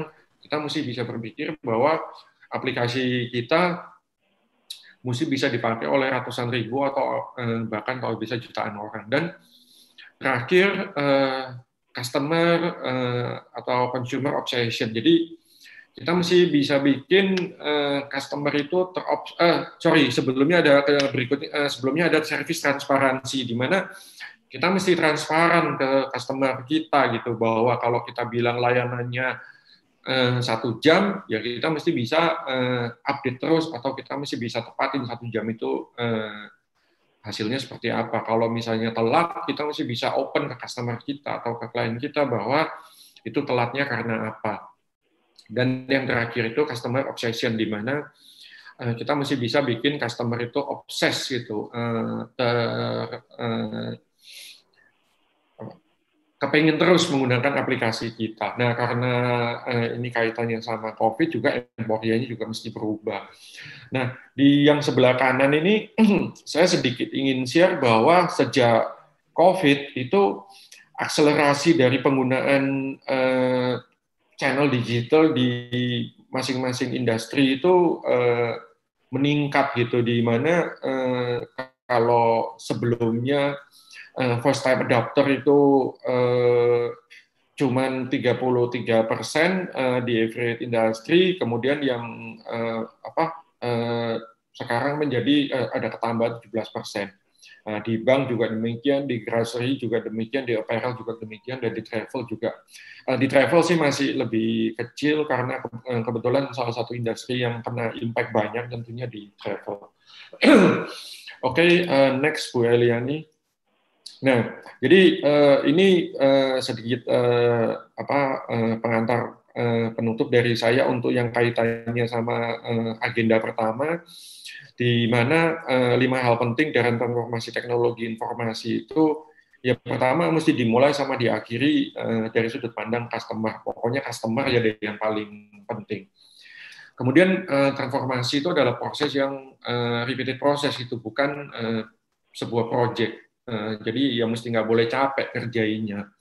Nah, kemudian eh, ketiga tentunya transformasi teknologi ini juga mesti memberikan keuntungan bagi customer dari setiap interaksi dengan perusahaan. Nomor empat, eh, tentunya transformasi itu juga mesti bisa menghasilkan optimasi, optimasi atau efisien dan efisiensi biaya operasi dan overhead bagi perusahaan. Dan terakhir, mungkin bahasanya terlalu teknis, intinya nomor lima ini adalah mempercepat uh, proses delivery aplikasi ke end user. Oke, okay, eh, kita masuk ke subtopik saya yang kedua next. Nah, sini saya sedikit cerita tentang Anabatik. Jadi Anabatik itu adalah salah satu perusahaan IT di Indonesia yang sudah uh, masuk uh, bursa atau sudah go public sejak tahun 2015 uh, Ana Batik itu mulai dari 2002 sebagai IT integrator, kemudian di 2003 itu uh, membangun CTI, uh, di mana CTI ini sekarang sudah jadi salah satu distributor uh, hardware paling besar di Indonesia. Kemudian di tahun 2003 itu uh, Anabatik mengakuisisi KPSG uh, untuk masuk ke bisnis proses outsourcing. Nah, kemudian uh, di tahun 2006 uh, eh, sedikit lakukan refocus bisnis uh, uh, ke aplikasi mission critical untuk financial services industry. Di 2013 itu Anabatik uh, bangun uh, beberapa kantor perwakilan di Singapura, Malaysia, Filipina, sama India. Kemudian 2015 itu masuk ke apa ke bursa, ke stock exchange.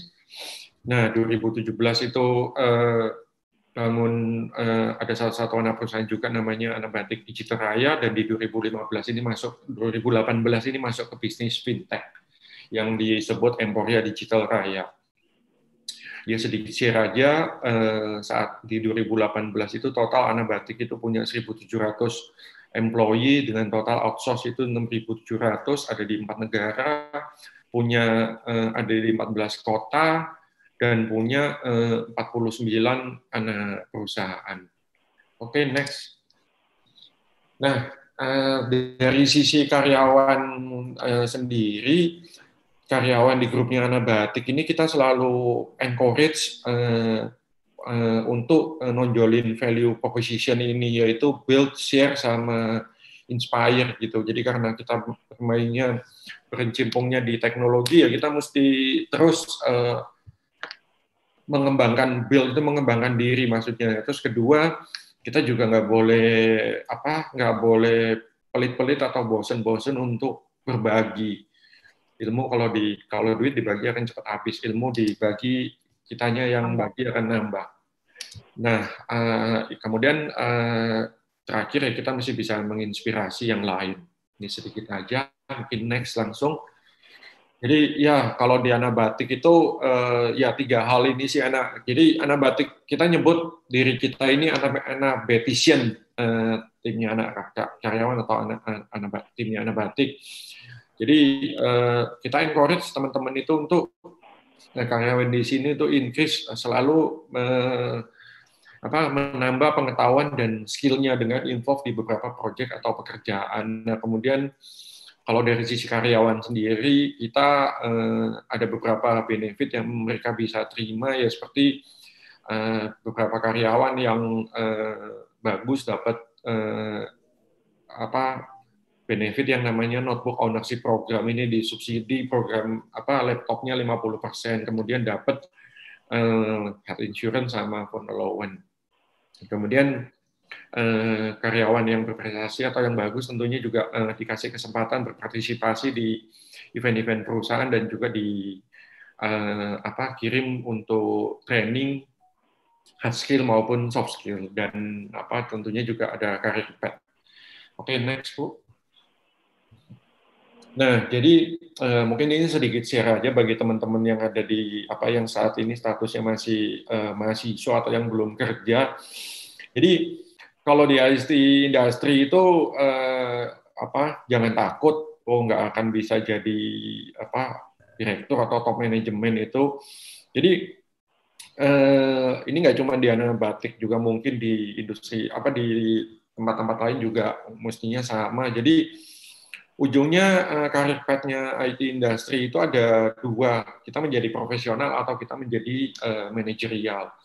Kalau kita menjadi profesional ya kita menjadi senior developer atau spesialis developer atau spesialis analis. Dan kita expert di uh, subjek uh, matter tertentu gitu. Nah, ini uh, kalau di profesional ini di beberapa teman atau uh, ekspertis yang saya tahu beberapa mungkin gajinya malah lebih besar kali daripada direktur-direktur di perusahaan. Nah, kemudian yang kedua itu kalau dimasuk di manajerial ya yang uh, mungkin seperti saya ini uh, apa lebih ke uh, general knowledge gitu, Bu. Oke, okay, uh, masuk ke next-nya. Nah, uh, tadi saya cerita tentang anabatik, ini sedikit saya cerita tentang Emporia. Jadi uh, Emporia ini adalah anak perusahaannya dari Anabatik Technologies yang dibentuk tadi tahun 2018 ketika Anabatik masuk ke bisnis uh, fintech. Di uh, kami ini uh, semua perusahaan ini pakai brand name yang namanya IKI.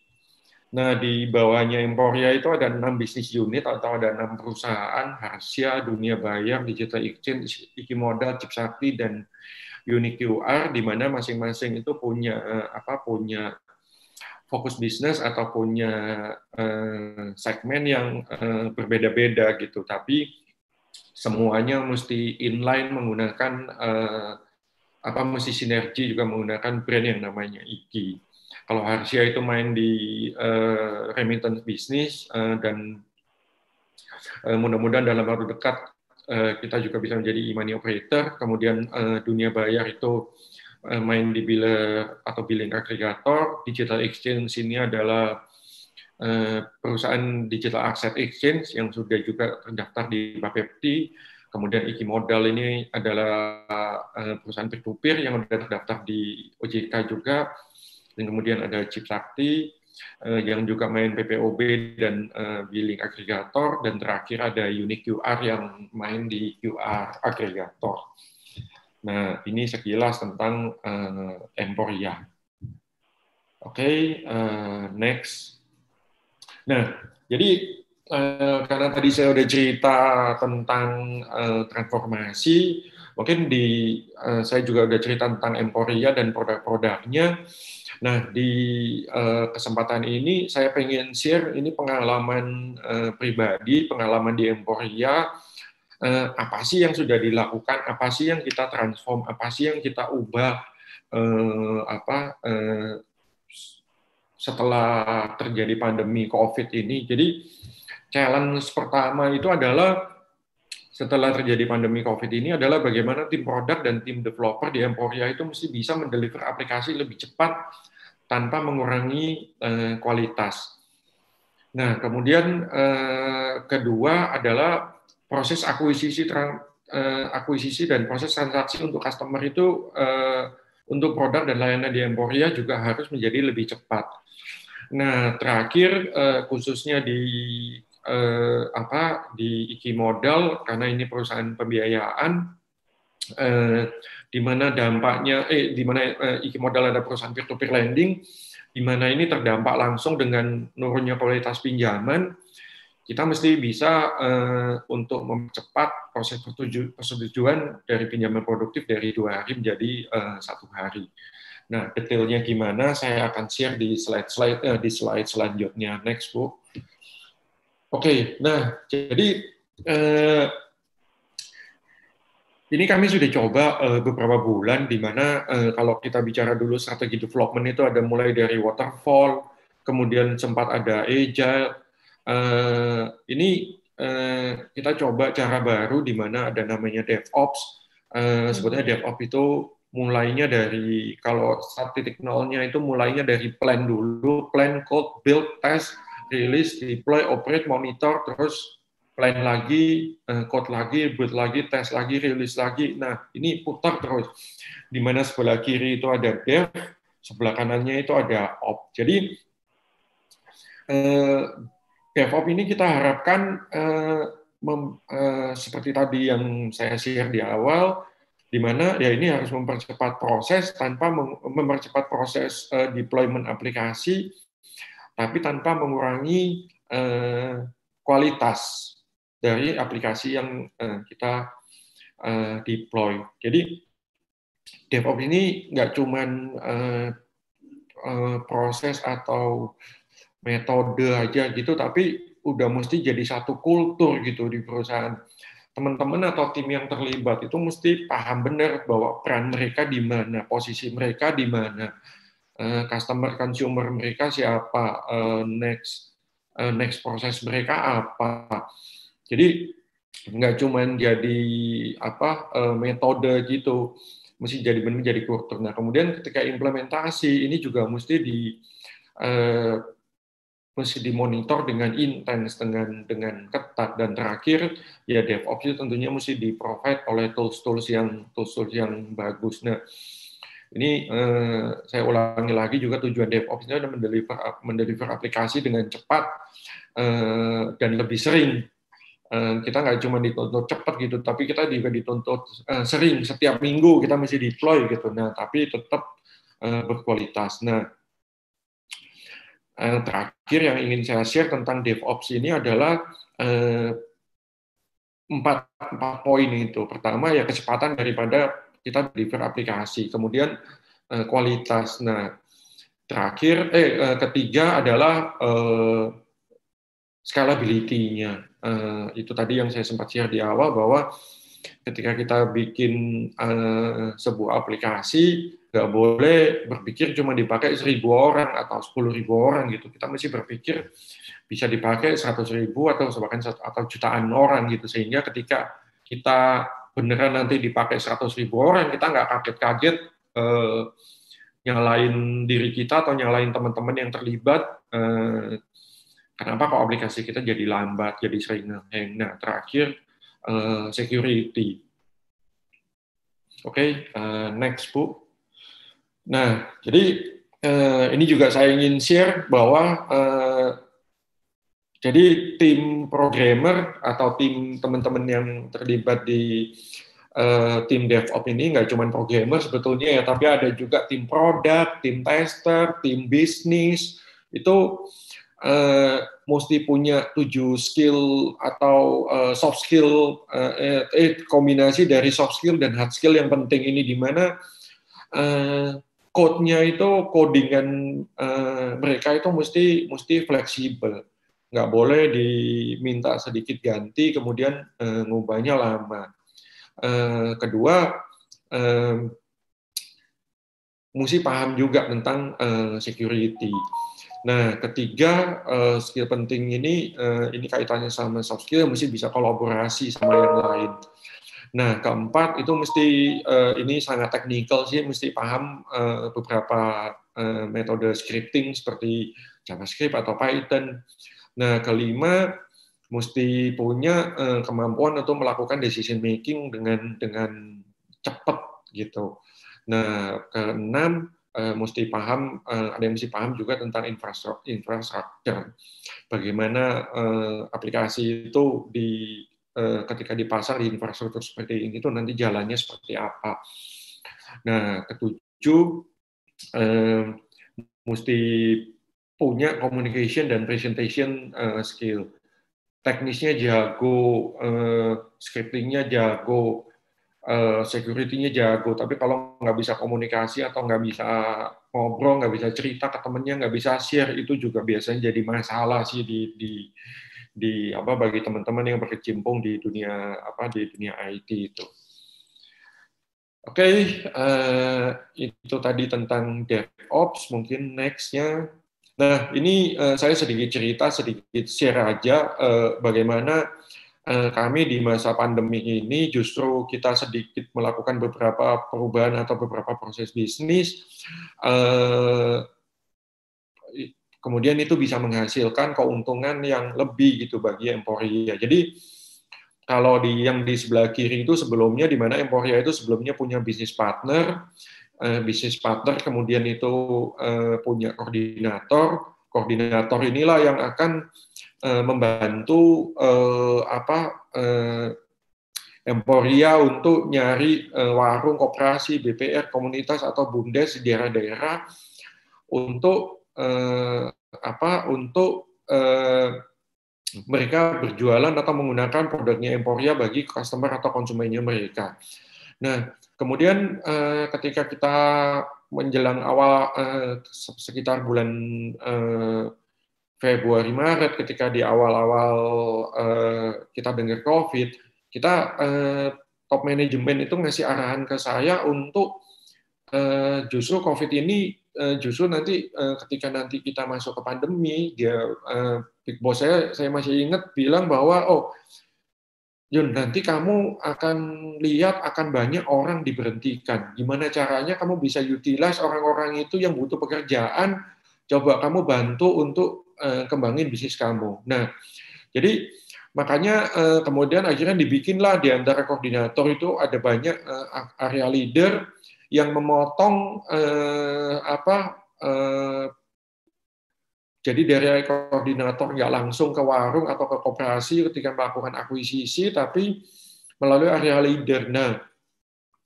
ya memang benar kemudian ada dampak, ada pandemi, pandemi di banyak di mana banyak orang eh, kehilangan pekerjaan. Nah, jadi di daerah kita bisa kasih kasih apa eh, penawaran ke mereka untuk jadi area leader yang eh, membantu melakukan apa proses akuisisi. Nah, kemudian di antara warung dan koperasi karena biasanya eh, jualannya itu hanya pasif, orang datang ke eh, si customernya datang ke warung, datang ke koperasi atau datang ke kantor komunitas, dia beli pulsa. Nah, dengan cara ini eh, si warungnya bisa uh, ngajak saudaranya atau temennya menjadi downline untuk jadi uh, untuk bantu uh, proses jualannya. Jadi dengan demikian uh, uh, apa dengan cepat kita manfaatin kondisinya uh, teknologi informasi itu IT itu mesti bisa berpikir untuk menambah titik-titik uh, user kita, customer kita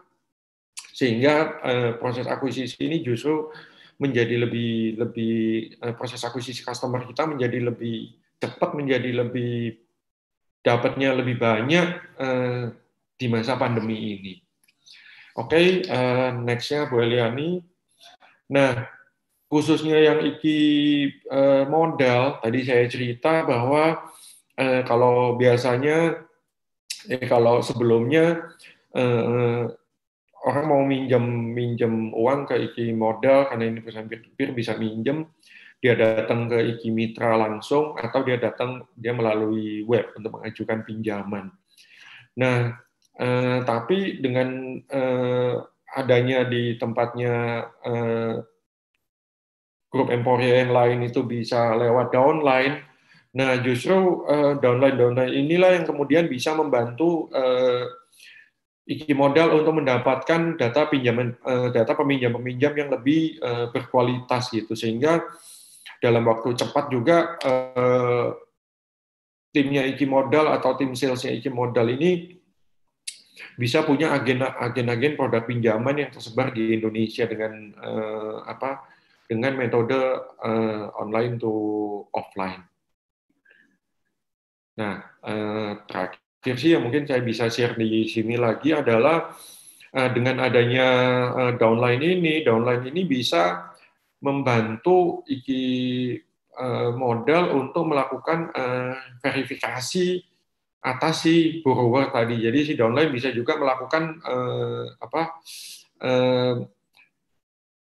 bisa memberikan advice atau memberikan apa inputan tambahan terhadap eh, calon peminjamnya tersebut. Nah, eh, itulah sedikit yang saya mau share untuk di Iki Modal, mungkin di next-nya. Nah, jadi ini udah langsung penutupnya. Eh, jadi pertama ya tentunya eh, peran karyawan itu pertama yang kami highlight ada peran karyawan itu tentunya sangat penting di tim IT. Nah, kemudian sekali lagi saya ingetin bahwa pendekatan ke end user atau ke customer itu adalah hal yang penting, nggak boleh di apa kita nggak boleh mikir yang lain gitu, kita mesti mikir tapi end user atau customer gitu. Nah, kemudian ya transformasi ini adalah uh, keharusan di mana perusahaan yang tidak going mobile pasti akan ditinggalkan oleh customernya. Nah, terakhir uh, apa saya ingin share eh, kata-kata yang suka di remind oleh bos saya juga bahwa kita masih bisa lari sprint tapi uh, maraton. Itu maraton doang nggak cukup, sprint doang nggak cukup. Kita masih bisa lari sprint tapi maraton. Uh, Oke, okay. uh, nah terakhir ini sih uh, yang ingin saya share bahwa transformasi itu adalah sebuah perjalanan tanpa tujuan akhir. Ini saya kutip dari orang lain. Oke, okay, uh, itu aja dari saya. Uh, terima kasih Bu Eliani, terima kasih Bapak Ibu uh, semua. Kalau ada pertanyaan, silakan saya kembalikan ke Bu Eliani ya Bu.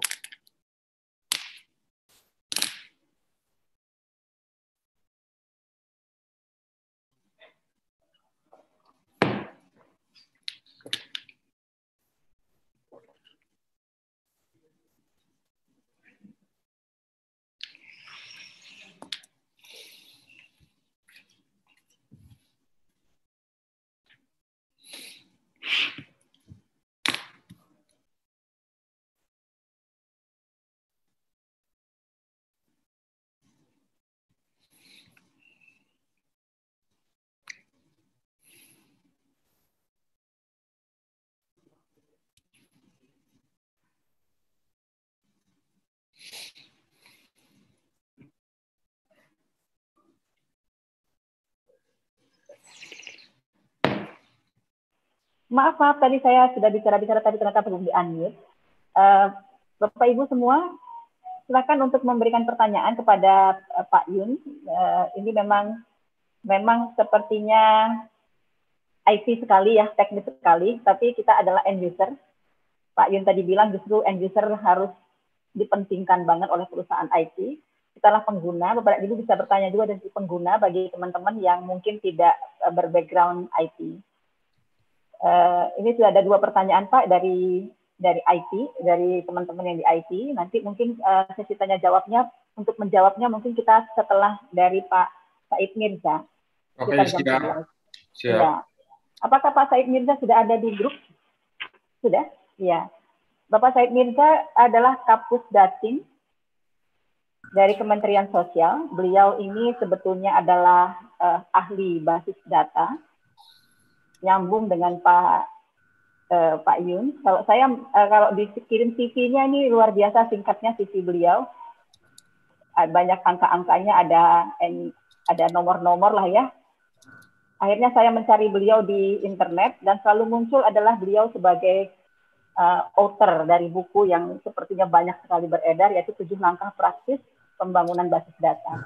Dan beliau memang adalah kepala pusat data dan informasi Kementerian Sosial yang akan beliau sajikan uh, materinya adalah mengenai satu data kesejahteraan sosial. Bapak Said Mirza, selamat datang di UMB online. Kami persilakan ya, Bapak untuk ya. menyajikan uh, materi akan Bapak sampaikan. Terima kasih Bapak untuk hadir di sini. Teman-teman dari SMA di Riau sana katanya sudah sudah ikut hadir di sini Pak. Baik, Pak. Ya. nih, terima kasih. Assalamualaikum warahmatullahi wabarakatuh. Alhamdulillah. Uh, terima kasih atas kesempatan yang diberikan. Uh, tadi saya mendengar cukup teknis ya. Apakah saya perlu sampai seteknis itu kita lihat nanti uh, dari pertanyaan mungkin ya. Uh, izin saya share terlebih dahulu materi yang sudah saya siapkan. Uh, nanti materi boleh di-share ke, ke peserta nggak Pak?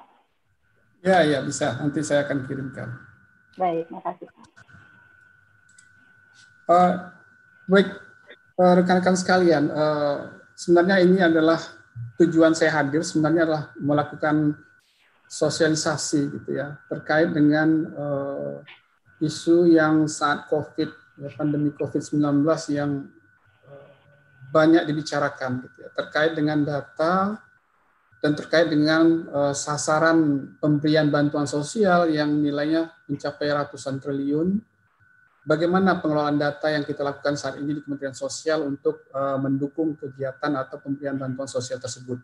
Baik bantuan sosial yang sifatnya reguler yang diberikan pemerintah pada setiap uh, waktu tertentu ya sebulan atau tiga bulan sekali maupun bantuan yang sifatnya uh, urgent seperti pandemi COVID ini. Nah, bagaimana datanya kita kelola di Kementerian Sosial, teknologi apa yang kita gunakan, dan kemudian terakhir nanti eh, saya akan jelaskan mungkin ada beberapa topik penelitian ya, yang bisa atau yang saat ini kami sedang eh, rancang atau yang sedang kami lakukan.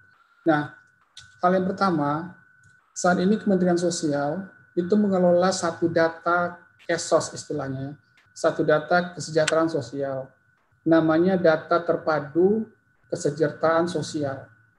Kami mengelola sebanyak 27 juta rumah tangga, cukup banyak ini. Di dalamnya ada 29 juta keluarga.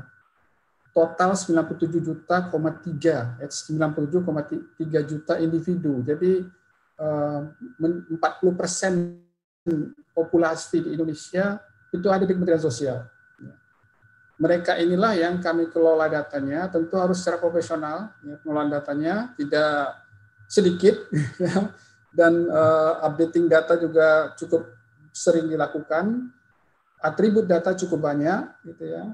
Ini berisikan informasi sosial ekonomi, rumah tangga yang boleh dikatakan miskin atau rentan miskin, gitu ya, 40 persen. Jadi kalau rumah tangga di Indonesia kita urutkan dari yang paling eh, miskin sampai yang paling kaya itu 40 persen terbawah itu ada di Kementerian Sosial lengkap beserta eh, nama dan alamat dan informasi lain. Nah mereka inilah data inilah yang digunakan untuk eh, sasaran pemberian bantuan sosial atau perlindungan sosial ya, termasuk di COVID pandemi COVID-19 ini gitu ya. Termasuk mungkin rekan-rekan sekalian ada yang ikut di KIP kuliah.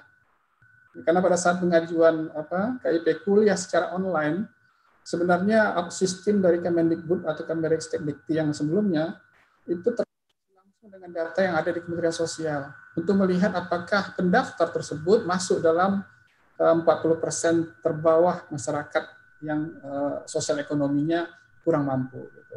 Nah ini kami sebut satu data. Gitu ya. Nah data ini kalau melihat uh, atributnya ini cukup various banyak sekali. Dari sisi rumah tangga itu ada uh, status tempat tinggalnya, status lahan dan seterusnya jenis dinding, atap, lantai, kamar tidur, dan seterusnya. Aset juga dicatat, kulkas, TV, dan seterusnya. Kemudian dari sisi, eh, ini dari sisi rumah tangga, masing-masing anggota rumah tangga, itu yang di sebelah kanan, dicatat juga ya, NIK, nama, dan seterusnya. Kenapa kita perlu data sedetail ini?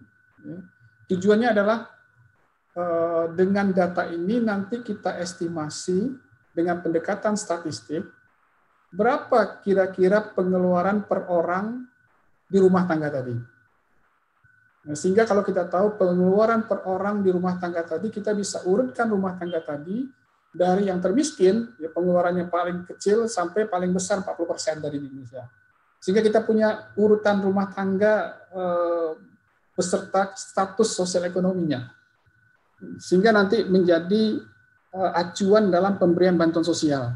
Dan pembuatan model statistik ini uh, dilakukan per kabupaten kota.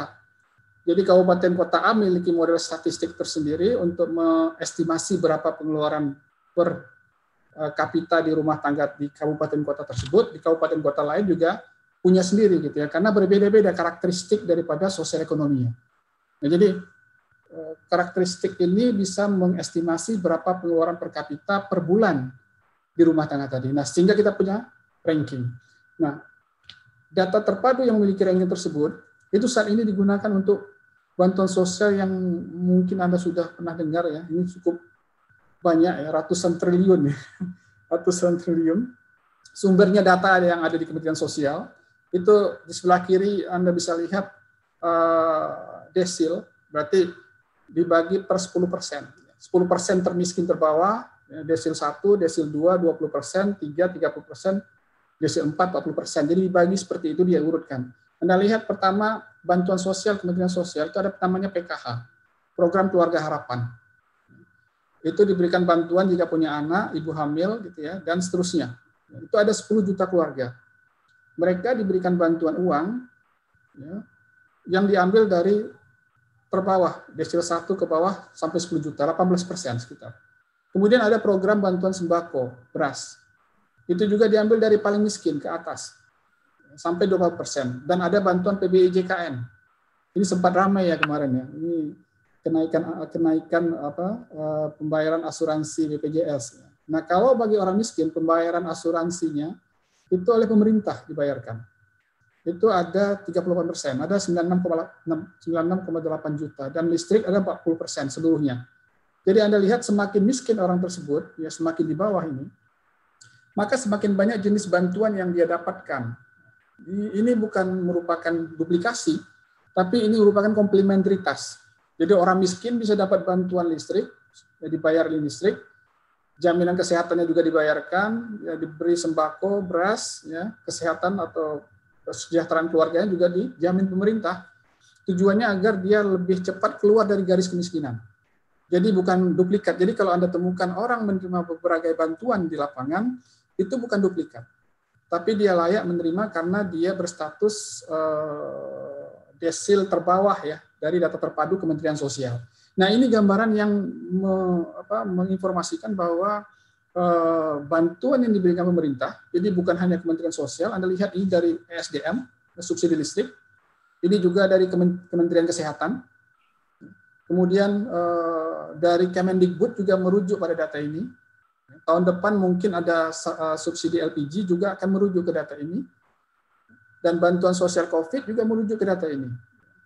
Termasuk tadi saya baru rapat dengan KPK ya terkait pemberian bantuan apa untuk para pekerja itu juga melihat apakah para pekerja tadi terdaftar nggak di dalam data terpadu.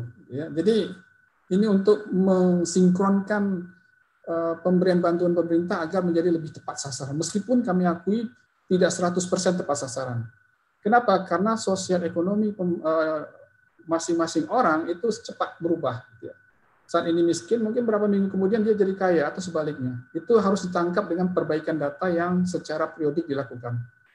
Nah, ini gambaran bagaimana data terpadu atau DTKS yang mungkin Anda sering dengar. Ya, ketik saja di Google DTKS itu akan akan keluar uh, banyak referensi terkait ini. Nah, kemudian hal yang penting tadi yang saya sudah sampaikan bahwa kondisi sosial ekonomi rumah tangga yang tadi datanya kami kelola itu dinamis, cepat berubah. Oleh karena itu perlu diupdate secara periodik. Contohnya misalnya pemberian bantuan PBIJK atau asuransi BPJS-nya dibayar, itu kalau datanya tidak diupdate setiap bulan, maka orang-orang yang mungkin sudah meninggal, maka pemerintah tetap bisa tetap membayarkan uh, istilahnya preminya gitu ya kan. Karena kalau datanya tidak diupdate, maka sasaran uh, pemberian bantuan tadi tidak tepat. Makanya data harus diupdate secara periodik. Nah, bagaimana uh, cara mengupdate-nya atau siapa yang berkewajiban? Ini informasi yang mungkin sangat penting. Undang-Undang 23 2014 menyatakan bahwa pemerintah daerah kabupaten kota itu melaksanakan pendataan dan pengelolaan data fakir miskin cakupan mereka. Jadi Pemda lah yang harus memperbaiki data. Hasilnya dikirimkan kepada provinsi, provinsi mengirimkan kepada pusat. Ya dalam hal ini Kementerian Sosial. Barulah ini dinamakan data terpadu kesejahteraan sosial yang kita bicarakan sekarang. Ini menjadi tanggung jawab dan ditetapkan oleh Menteri Sosial. Setelah ditetapkan, barulah data tersebut digunakan gitu ya, untuk pemberian bantuan sosial. Sehingga contohnya kalau KIP kuliah, Anda uh, akan dicek terlebih dahulu ke data terpadu untuk melihat apakah terdaftar atau tidak. Kalau belum terdaftar, itu bisa uh, secara aktif, ini di Undang-Undang Nomor 13 2000, Undang-Undang Nomor 11 tahun 2013, secara aktif mendaftarkan diri ke pemerintah daerah tapi ini untuk rumah tangga miskin tidak mampu ya. Jadi rumah tangga yang mampu itu tidak perlu mendaftar. Eh, mereka bisa mendaftarkan diri, nanti akan ada prosedur tersendiri yang akan dilakukan untuk pendataan oleh pemerintah daerah.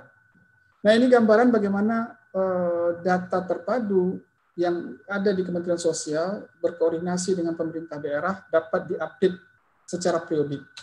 Nah, bagaimana keaktifan Pemda? ternyata tidak semua pemerintah daerah mengupdate data. Ini yang saya tayangkan yang paling aktif saja.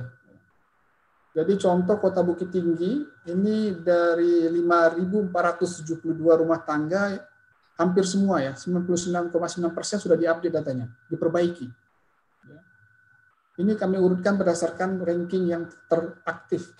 Kalau mau melihat lebih lengkap, Anda bisa uh, unduh di Google Play Store. Kami sudah sediakan agar masyarakat paham bagaimana daerah masing-masing atau pemerintah masing-masing mengupdate data terpadu yang merupakan uh, acuan dalam pemberian bantuan dan perlindungan jaminan sosial pemerintah ya bisa unduh di sini untuk melihat uh, ranking tadi bisa melihat mana yang paling tidak aktif gitu. ini ada sekitar 90 kabupaten kota yang masih belum mengupdate data sampai saat ini nah ini gambaran bagaimana aktif uh, atau keaktifan pemerintah daerah nah kemudian pertanyaan selanjutnya Bagaimana data tersebut diambil? Ya. Saat ini eh, Kementerian Sosial memiliki sistem informasi untuk mengelola DTKS ini. DTKS kan tadi saya jelaskan eh, sangat banyak datanya. Nama sistem informasi adalah sistem informasi kejahatan sosial, Engineering Generation.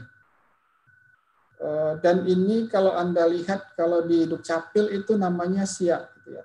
Tapi kalau di Kementerian Sosial itu namanya 6NG. Ya, sama dengan itu. Ini sistem ini sudah mendapat penghargaan ya top 99 di inovasi pelayanan publik Kemenpan RB tahun lalu dan juga kami sudah mendapatkan ISO uh, 27001 terkait information security management. Nah, melalui sistem ini 514 kabupaten kota itu mereka memiliki login. login ke sistem ini untuk melihat data rumah tangga miskin tidak mampu di wilayah masing-masing. Mereka bisa login, kemudian setelah login, eh, mereka bisa mealokasikan petugas untuk turun ke lapangan. Saat ini ada sistem yang eh, berbasis Android. Jadi petugas yang sudah ditugaskan di kelurahan tertentu misalnya, maka mereka bisa unduh data orang-orang miskin tidak mampu di kelurahan tadi, di Androidnya. Ya, kemudian e, dipersyaratkan ada musyawarah kelurahan. Jadi orang-orang tadi ya yang akan diperbaiki datanya itu dimusyawarahkan dulu ya, oleh kelurahan atau desa layak nggak untuk masuk dalam DTKS atau tidak. Pada saat musyawarah ini orang yang merasa layak bisa juga mendaftar disebut dengan pendaftaran aktif di sini. Jadi selain list yang sudah ada di DTKS, kita kan sudah punya list nama alamat di sini orang yang belum terdaftar juga bisa mendaftar. Makanya kalau ada KIP kuliah misalnya, ya, Anda belum terdaftar di DTKS, Anda bisa mendaftar pada saat ini. Atau Anda bisa mendaftar dengan menghubungi pemerintah daerah setempat, agar nanti bisa ikut prosedur yang ada di sini. Jadi ada musyawarah desa kelurahan, kemudian setelah dimusyawarahkan akan ada kunjungan, kunjungan ke rumah tangga. Ini menggunakan Six Droid. Jadi pada saat kunjungan ke rumah tangga itu akan otomatis dicatat koordinat rumah tadi ada di mana. Plus eh, mereka wajib untuk mengambil foto, foto kondisi rumah, KTP, kartu keluarga, kondisi dinding, kondisi lantai dan seterusnya. Nanti saya akan perlihatkan demonya. Dan juga akan otomatis dicatat berapa lama wawancara dilakukan. Sehingga kita nanti kan kalau dari sisi metode statistik, wawancara yang terlalu pendek atau wawancara yang terlalu panjang itu mencurigakan gitu ya. Sehingga bisa mengurangi, mengurangi fraud lah istilahnya. Dan ini juga mengurangi fraud seseorang men, apa, mencatat tapi bukan di tempatnya. Misalnya di rumah dia gitu ya. Ini kan koordinatnya kita ambil. Dan dia juga wajib foto. Ini untuk menjamin kualitas data yang ada dalam DTKS. Nah setelah dilakukan kunjungan ke rumah tangga, maka hasil dari uh, pendataan tadi disahkan oleh SK Bupati. Ini wajib. Ya. Barulah nanti dikirimkan ke Kementerian Sosial. Ya. Setelah sampai di Kementerian Sosial, ini akan dilakukan pengolahan lebih lanjut. Jadi saat ini 6NG, sistem dari Kementerian Sosial, ini sudah terkoneksi langsung dengan data Dukcapil. Jadi NIK nama orang-orang yang mendaftar ini, jadi eh, rekan-rekan yang mendaftar misalnya, itu Anda akan dicek ke Dukcapil nikah namanya. Kalau tidak terdaftar di Dukcapil pusat, maka akan ditolak otomatis oleh sistem, akan dikembalikan gitu. Termasuk juga anggota NIK eh, nama anggota keluarga semuanya. Jadi kita bersihkan data terlebih dahulu sebelum masuk dalam DTKS. Dan kita juga pernah koneksi ke database Kemendikbud. Jadi orang-orang tersebut sekolah di mana gitu ya, eh, nomor induk siswanya berapa dan seterusnya kami dapatkan dari Kemendikbud. Ya. Dan kami juga koneksi dengan BPJS Kesehatan. Jadi kalau orang tersebut meninggal, BPJS Kesehatan ada daftar yang sudah meninggal per bulan. Maka juga akan dihapus. Jadi ada pembersihan data lebih lanjut pada saat data masuk dalam uh, sistemnya Kementerian Sosial. Barulah setelah dibersihkan data tersebut, maka data tersebut akan di SK oleh Menteri Sosial. Ya. Nah, setelah di SK kan baru digunakan untuk tadi ya, bantuan untuk subsidi listrik, untuk KIP kuliah, untuk apa asuransi kesehatan dan seterusnya. Yang jumlahnya mencapai puluhan juta. Ini adalah gambaran bagaimana data di Kementerian Sosial. Ya, kami menggunakan teknologi berbasis Android untuk mencatat eh, terkait dengan rumah tangga miskin yang tidak mampu. Karena menggunakan teknologi Android, Anda bisa lihat di slide selanjutnya ini contoh di Jakarta, ya. contoh di Jakarta, bagaimana rumah tangga miskin tidak mampu ini di uh, Jatinegara ya. Rumah tangga miskin tidak mampu itu berkumpul di sepanjang sungai, Sungai Ciliwung ini. Dan pada saat kita klik salah satu uh, point of interest di sini, maka akan muncul fotonya. Ya, foto kondisi rumah tersebut gitu dan termasuk foto KTP dan kakaknya. Jadi ini sebenarnya untuk menjaga kualitas data yang dipunyai oleh Kementerian Sosial uh, agar bisa lebih bagus. Gitu. Meskipun sekali lagi tidak 100% data ini akurat pada waktu tertentu.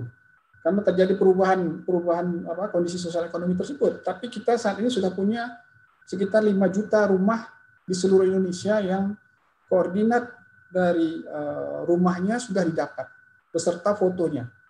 Nah, ini sebenarnya nanti bisa diarahkan kepada penelitian yang lebih lanjut. Misalnya penelitian uh, terkait dengan uh, kalau Sungai Ciliwung itu banjir, seberapa jauh dampaknya terhadap rumah tangga miskin tidak mampu di sepanjang sungai tersebut gitu ya. Tergantung debit airnya dan seterusnya. Kita bisa lakukan analisis seperti itu gitu. sehingga nanti perencanaan dalam pemberian bantuan akan lebih tepat gitu ya. Sesuai dengan jumlah uang dan jumlah rumah tangga yang menerima bantuan tersebut. Ya. kemudian saya lanjutkan. Eh, dengan data yang cukup kaya tersebut tadi kan eh, saya recall kembali eh, data cukup banyak atributnya. Ya. Nah kita di Kementerian Sosial untuk mendukung dalam uh, perencanaan dan pengambilan keputusan, kami sudah membuat bisnis intelligence ya, untuk uh, melakukan analisis dan eksplorasi secara interaktif. Ya. Nah ini contohnya. Uh, dari data yang dikumpulkan, ternyata ya, lima kombinasi jenis atap lantai dinding terbanyak untuk rumah tangga miskin dan tidak mampu di Indonesia itu jenis atapnya tanah liat, genteng tanah liat, lantainya semen bata merah gitu ya. Dan dindingnya tembok ini. Ini ada sekitar 3,9 juta rumah. Ini top 5. Dan kita bisa eksplor lebih jauh di bawah sini.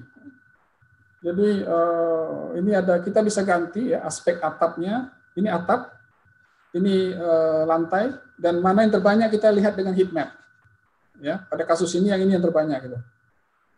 Kemudian contoh lain ini adalah uh, contoh dari kondisi uh, bekerja atau tidak orang tersebut. Jadi hampir uh, sebagian besar bekerja ini. Ya. Kemudian uh, jumlah jam kerjanya 41 sampai 50 ini yang paling banyak. Tapi yang paling banyak adalah yang tidak bekerja. Ya mungkin yang miskin tidak mampu ini ya. Dan Anda lihat lapangan usaha pekerjaannya mana yang paling banyak. Jadi kita bisa melakukan eksplorasi terhadap data apa, kemiskinan atau data uh, kesejahteraan sosial Indonesia yang saat ini menerima bantuan pemerintah ya untuk peningkatan kesejahteraan mereka. Ya. Dan ini adalah uh, menggambarkan ya, ini data yang kami blend dengan data COVID ya, plus data uh, potensi desa yang ada di BPS serta data DTKS. Ya, Anda bisa lihat misalnya kalau peta ini ya semakin eh, pekat warna provinsinya, itu semakin banyak jumlah orang miskinnya. Sedangkan belakang ini adalah jumlah eh, COVID yang COVID yang terkonfirmasi. Jadi kalau di Jawa ini cukup padat penduduk miskinnya, Anda lihat jumlah terkonfirmasinya cukup besar juga gitu ya. Dan ini kita bisa kaitkan dengan data misalnya uh, di DTKS, ini di Jawa Timur, uh, jumlah individu di desil terbawah itu cukup banyak ya, 7,5 juta. Ini yang terkonfirmasi COVID, kemudian rata-rata individu per rumah tangga ini 3,1 orang. Ini terkait social distancing ya, mungkin kita bisa uh, analisis sana. Dan jumlah rumah sakit 367 di sini. Rata-rata jarak ke rumah sakit ini kami dapatkan data dari Podes PPS 13,4 kilo dan sumber air itu 8,8 ini terkait juga dengan apa eh, sanitasi tangan gitu ya untuk pencegahan COVID gitu. Kita bisa drill ke level terbawah, level bawah lagi dari Jawa Timur misalnya. Ya. Ini Kabupaten Jawa Timur, eh, kami hanya dapatkan data COVID-nya untuk provinsi, maka jumlahnya sama semua ini. Tapi untuk sebaran jumlah individu per desil bisa lebih rinci ya karena di DTKS tadi bisa rinci sampai sampai ke level desa sebenarnya. Jadi Anda lihat misalnya di Probolinggo ini jumlah orang miskinnya banyak ya, dan dia rata-rata individu di situ ada 2,6 orang eh, per rumah ya. Tapi jumlah rumah sakitnya sedikit ini, cuma 5. Ya. Dan jaraknya cukup jauh ini, 15,15 15 kilo. Ya ke eh, fasilitas rumah sakit. Ya, dan kemudian sumber air bersihnya ya, cukup banyak yang eh, tidak memiliki eh, sumber desa-desa di sana yang tidak memiliki sumber air bersih. Jadi data yang kami punyai di Kementerian Sosial ini bisa diintegrasikan dengan data yang ada di kementerian lembaga lain atau di internet atau menggunakan big data untuk mendapatkan informasi yang lebih komprehensif ya untuk mendukung uh, dalam pengambilan keputusan ya. Dan terakhir ini uh, beberapa poin penting yang masuk dalam uh, cakupan uh, hal yang saat ini kami eksplor. Ya, pertama adalah bagaimana mendeteksi rumah tangga miskin tidak mampu menggunakan gambar satelit. Jadi saat ini kan kami di Kementerian Sosial sudah punya koordinat rumah tangga miskin. Itu bisa di overlay dengan satelit, eh, citra satelit gitu ya. Sehingga kita dapatkan rumah miskin di satelit di gambar satelit itu di mana. Kemudian dengan menggunakan metode uh, machine learning misalnya, ya mungkin Anda paham, supervised supervised learning. Jadi rumah tangga tadi kita sudah sudah ada labelnya kita bisa membuat model untuk mendetek rumah tangga lain yang belum diketahui miskin tidaknya dengan menggunakan gambar satelit gitu. Sehingga nanti kita bisa melihat eh, apa mengestimasi ya dengan menggunakan model tadi di tempat lain kira-kira seberapa banyak rumah tangga miskin yang memiliki karakteristik rumah yang sama gitu. Nah, ini akan memper, eh, akan membuat eh, pemutahiran data akan jauh lebih efisien. Kemudian kita juga sedang mengeksplor tentang pengkategorisasian rumah kesejahteraan rumah tangga berdasarkan atribut sosial ekonomi yang tadi saya bilang. Bukan berdasarkan moneter lagi gitu. Jadi kita cluster rumah tangga dengan rumah kondisi rumah yang sejenis kita cluster. Kemudian kita beri label ini tingkatnya miskin atau hampir miskin atau rentan miskin tanpa perlu dapatkan data terkait dengan uh, estimasi moneter rumah tangga tadi. Jadi cukup banyak sebenarnya ya, uh, eksplorasi terkait dengan uh, pemanfaatan metode statistik gitu ya atau metode uh, machine learning untuk uh, meningkatkan akurasi gitu ya dalam pemberian uh, bantuan sosial ya, termasuk juga dalam uh, membantu pemerintah untuk uh, pengambilan keputusan dalam menghadapi wabah COVID-19 ini. Saya kira demikian uh, Bu Eliani sebagai pengantar yang bisa saya berikan. Ya, kurang mohon maaf, mungkin bisa dilanjut dengan diskusi. Terima kasih.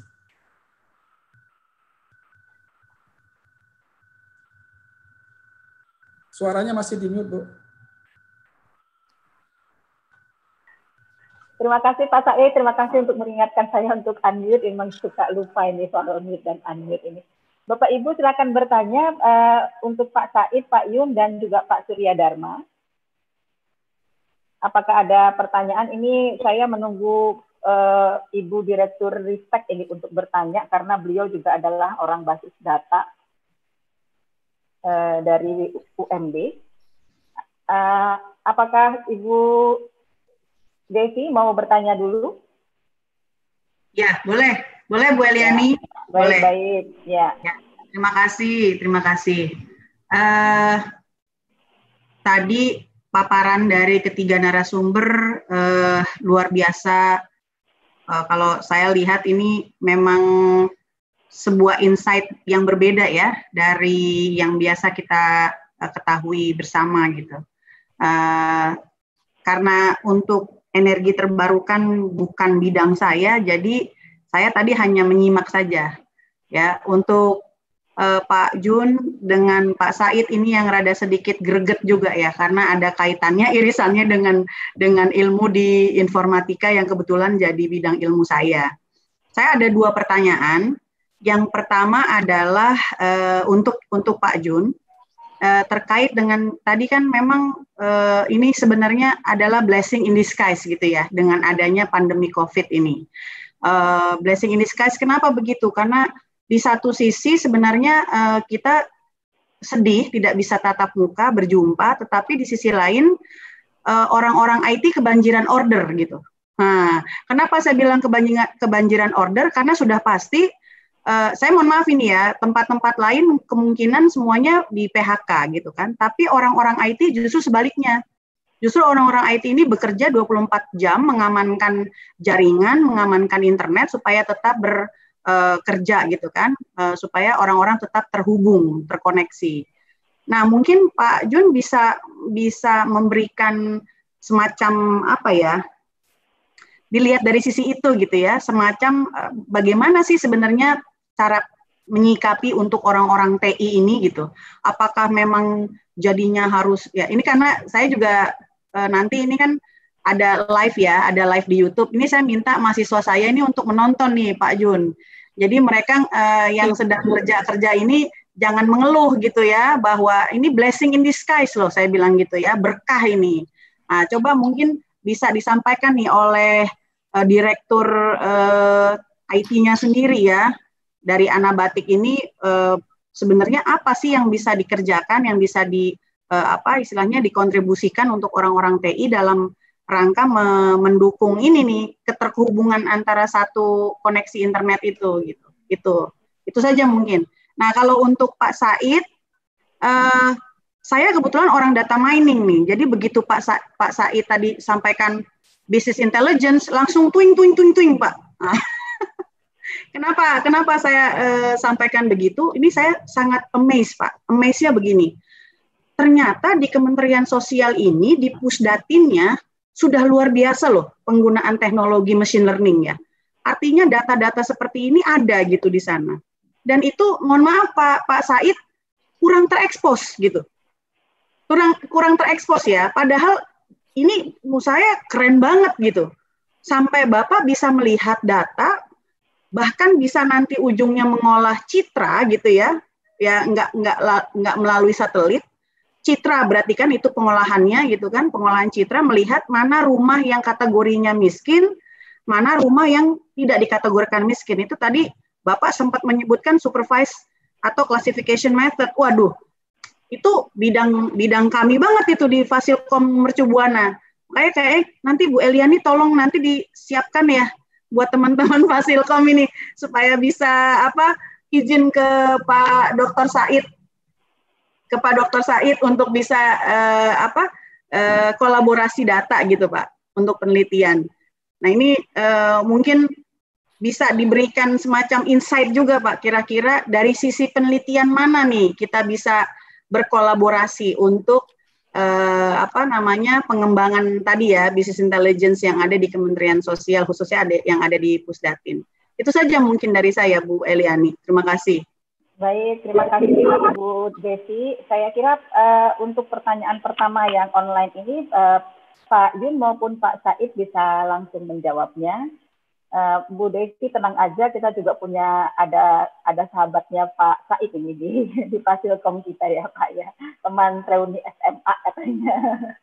ada Bu Afia Tireno yang kebetulan juga uh, temannya Pak Said waktu SMA dulu. Uh, silakan Pak Yun mungkin untuk pertama menanggapi pertanyaan dari Ibu Desi, wakil dari Fasilkom kita.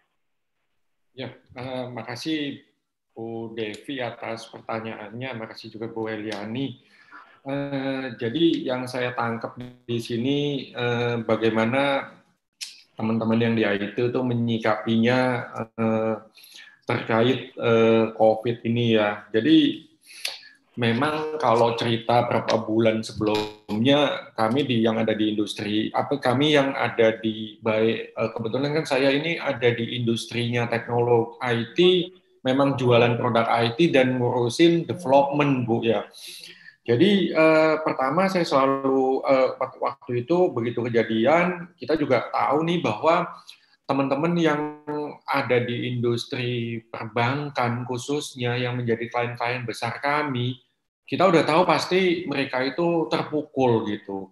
Eh, apa kalau eh, cerita eh, apa eh, di bank paling ditakutin ya orang bayar apa orang punya cicilan nggak bayar gitu. Nah, eh, begitu NPL tinggi itu otomatis akan impact ke ke mana-mana gitu. Nah, jadi eh, kita yang ada di IT memang eh, ya kita tahu bos saya selalu waktu itu selalu bilang bahwa oh daya beli dari teman-teman yang ada di industri keuangan itu pasti akan turun, tinggal tunggu waktu. Bisa sebulan, bisa dua bulan, yang tahan ya bisa panjangan dikit.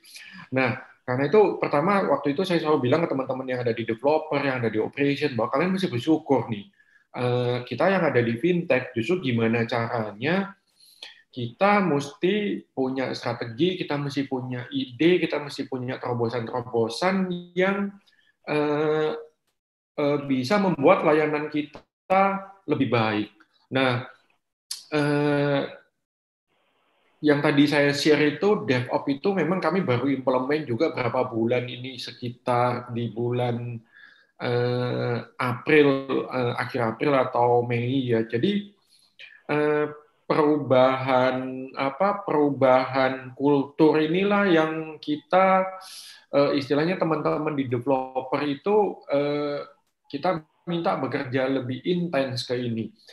Mungkin saya cerita ini sambil saya jawab satu pertanyaan yang ada di chat itu di mana ada yang nanya ke saya strateginya gimana supaya uh, strategi IT-nya gimana supaya menjaga kualitas program tidak terjadi bug saat implementasi karena biasanya diburu waktu kualitasnya jadi eh, apa eh, jadi jelek itu eh, ujung-ujungnya jadi snowball effect. Iya benar sih. Jadi kalau kita bikin di satu modul kita bikin satu kesalahan, kemudian di modul lain bikin eh, kesalahan lain, di modul berikutnya bikin kesalahan itu kalau nggak dideteksi sejak dini eh, itu pasti jadi snowball effect, tinggal tinggal meledak. Nah, jadi eh, kita tim itu kita sedikit ubah untuk ngikutin tadi strategi DevOps itu di mana tim itu bukannya kita bagi ke ke siapa ngerjain front end, siapa ngerjain back end, tapi kita bagi ke siapa ngerjain produk atau layanan apa gitu. Jadi produk apa satu produk atau satu layanan itu dikerjakan oleh satu tim yang ada front endnya, ada back endnya.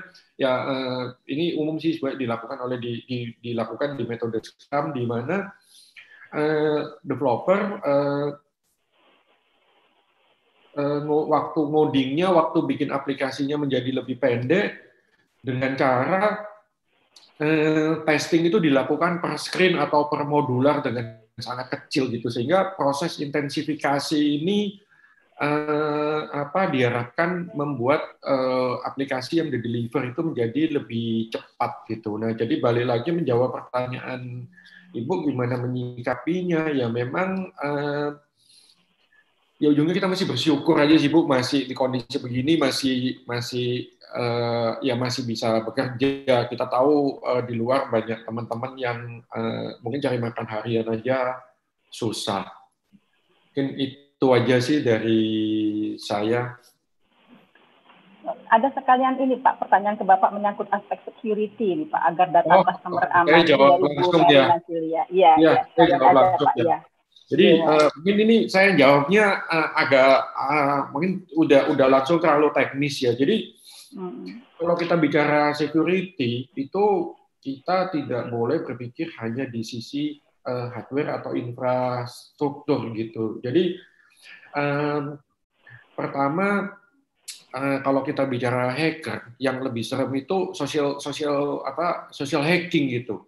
Kalau karena kalau yang apa yang uh, hacker yang on robot system itu uh, gampang apa maksudnya bukan gampang ya uh, lebih lebih inilah lebih kelihatan lah. Yang enggak kelihatan itu yang social hacking gitu. Gimana modelnya baik-baik tampangnya baik-baik tapi tiba-tiba melakukan hacking gitu.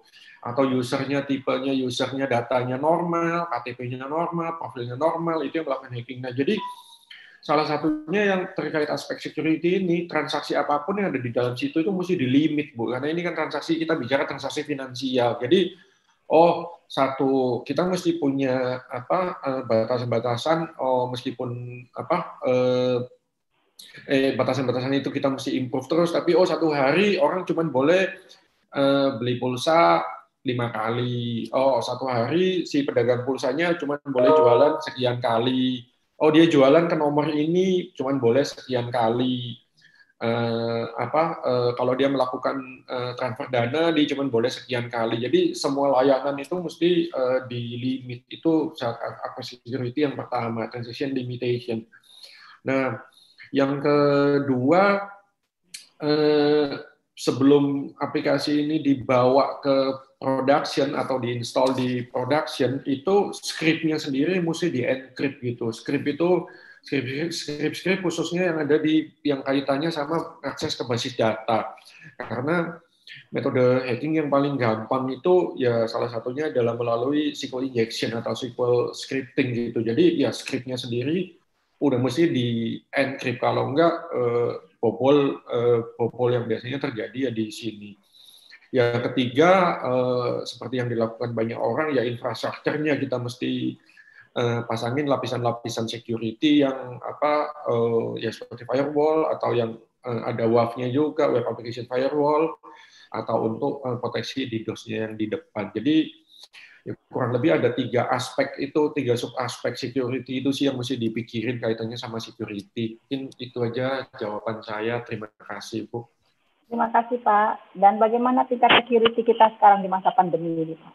Untuk data, Hah? kayaknya data begitu berseliweran sekarang ini kan semua orang pegang HP, semua orang Iya. Uh, nah, itu kalau di fintech sendiri atau tingkat security-nya sekarang sebagaimana kalau dari sisi kami pengguna dari fintech-nya itu Pak?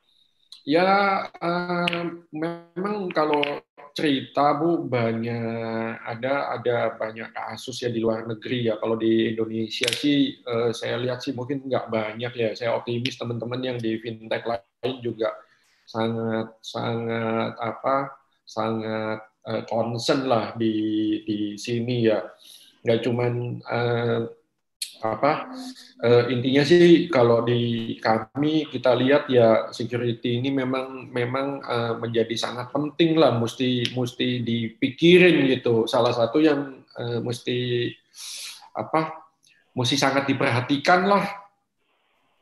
Itu sih bu. Risnya rendah ya pak ya. Soalnya sekarang kan semuanya apa apa bayarnya pakai fintech ya. Orang tidak mau ya, karena takut penularan penularan iya iya. Iya itu betul. Tapi jadi aman ya pak ya? Sudah dari dari sisi produsen fintech sudah aman ya pak? Aman bu. Aman, aman. baik terima kasih pak. Uh, kami silakan kepada pak Said uh, Mirza untuk menjawab pertanyaan dari Bu Devi menyangkut uh, kolaborasi yang bisa dilakukan dengan universitas antara lain dengan Universitas Mercu Buana Pak. Silakan Pak. Ya, baik, uh, jadi memang saat ini memang kami belum uh, belum pernah kolaborasi gitu ya dengan apa, dengan uh, universitas lain. Gitu. Kolaborasi dilakukan dengan kementerian lembaga dengan BPS dan saat ini memang sedang uh, akan dimulai kolaborasi dengan Polstat STIS itu tempat saya juga ngabdi di sana gitu. Jadi uh, memang terkait dengan uh, metode statistik dengan apa uh, machine learning dan sebagainya gitu ya. Karena memang kita memiliki sangat banyak data. Ada 97,3 juta. Tahun depan itu akan ada pemutahiran data ya, data terpadu itu akan mencapai 60 persen. Jadi sekarang 40 persen. Tahun depan itu akan mencapai 60 persen. Data akan semakin banyak dan semua pemutahiran data tahun depan itu akan menggunakan metode Android tadi. Nah, jadi kita uh, dari sisi software kita akan develop, uh, kita akan apa? Kita akan perketat ya. Misalnya dari sisi security, yang saat ini hanya orang yang nomor HP-nya terdaftar di Kementerian Sosial yang bisa mengunduh data gitu ya. Dan data tersebut tidak bisa mereka apa uh, unduh gitu ya dengan menggunakan kabel USB gitu ya. Itu bisa bisa kita encrypt lah gitu dan pengirimannya juga kita encrypt dan seterusnya. Dan itu aplikasi juga kita bisa lock dari jauh. Gitu. Kalau seandainya orang tersebut memang sudah tidak eligible lagi menjadi petugas lapangan. Jadi kita juga dari sisi teknologi eh, sangat concern ya terkait data yang kita miliki saat ini. Gitu. Karena data tersebut kita distribusikan ke petugas lapangan, tapi itu sebenarnya adalah mengirimkan data ke orang lain. Gitu.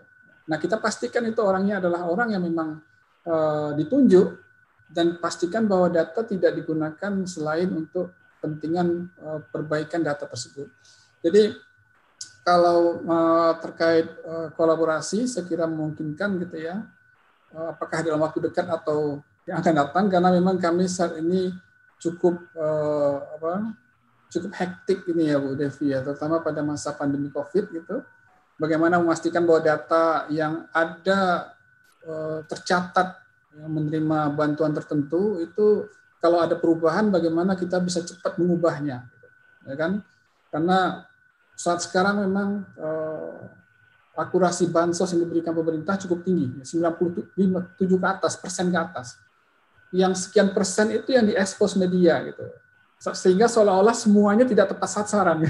itu yang saat ini memang uh, salah satu yang apa menjadi tadi ya sosialisasi kami juga harus uh, harus luas gitu ya.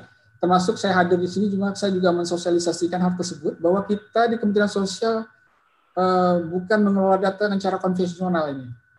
Kita mengelola data dengan teknologi yang saat ini bisa dimanfaatkan.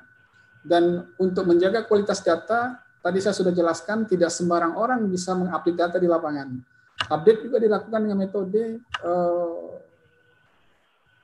mobile application sehingga tidak bisa di, di apa ditipu gitu ya. Karena kalau menggunakan kertas ya, eh, pengisian kertasnya kan bisa saja di rumah orang tersebut, di rumah enumeratornya, tidak di tempat di mana dia harus berada gitu kan. Tapi kalau dengan menggunakan metode Android dia harus di sana. Kita tahu koordinatnya di sana, dia harus ambil fotonya, ya kan? Plus kita ukur waktu dia wawancara. Gitu. Jadi kalau waktunya terlalu panjang, misalnya dua kali standar deviasi atau terlalu pendek di dua kali standar deviasi, kita akan curiga bahwa ini memang hanya berkunjung tapi tidak mencatat dengan yang sebenarnya dan seterusnya. Jadi ada metode, jadi termasuk dalam hal penelitian juga itu, Bu Devi. Jadi dalam hal uh, bagaimana memastikan uh, petugas di lapangan, gitu ya kan. Kemudian bagaimana memastikan rumah yang rumah yang ada eh, sekarang itu tidak ada perubahan dari sisi sosial ekonominya, jangan-jangan orangnya pindah gitu. Itu bisa ditarik dengan berita sos, eh, dari sosmed misalnya. Ya.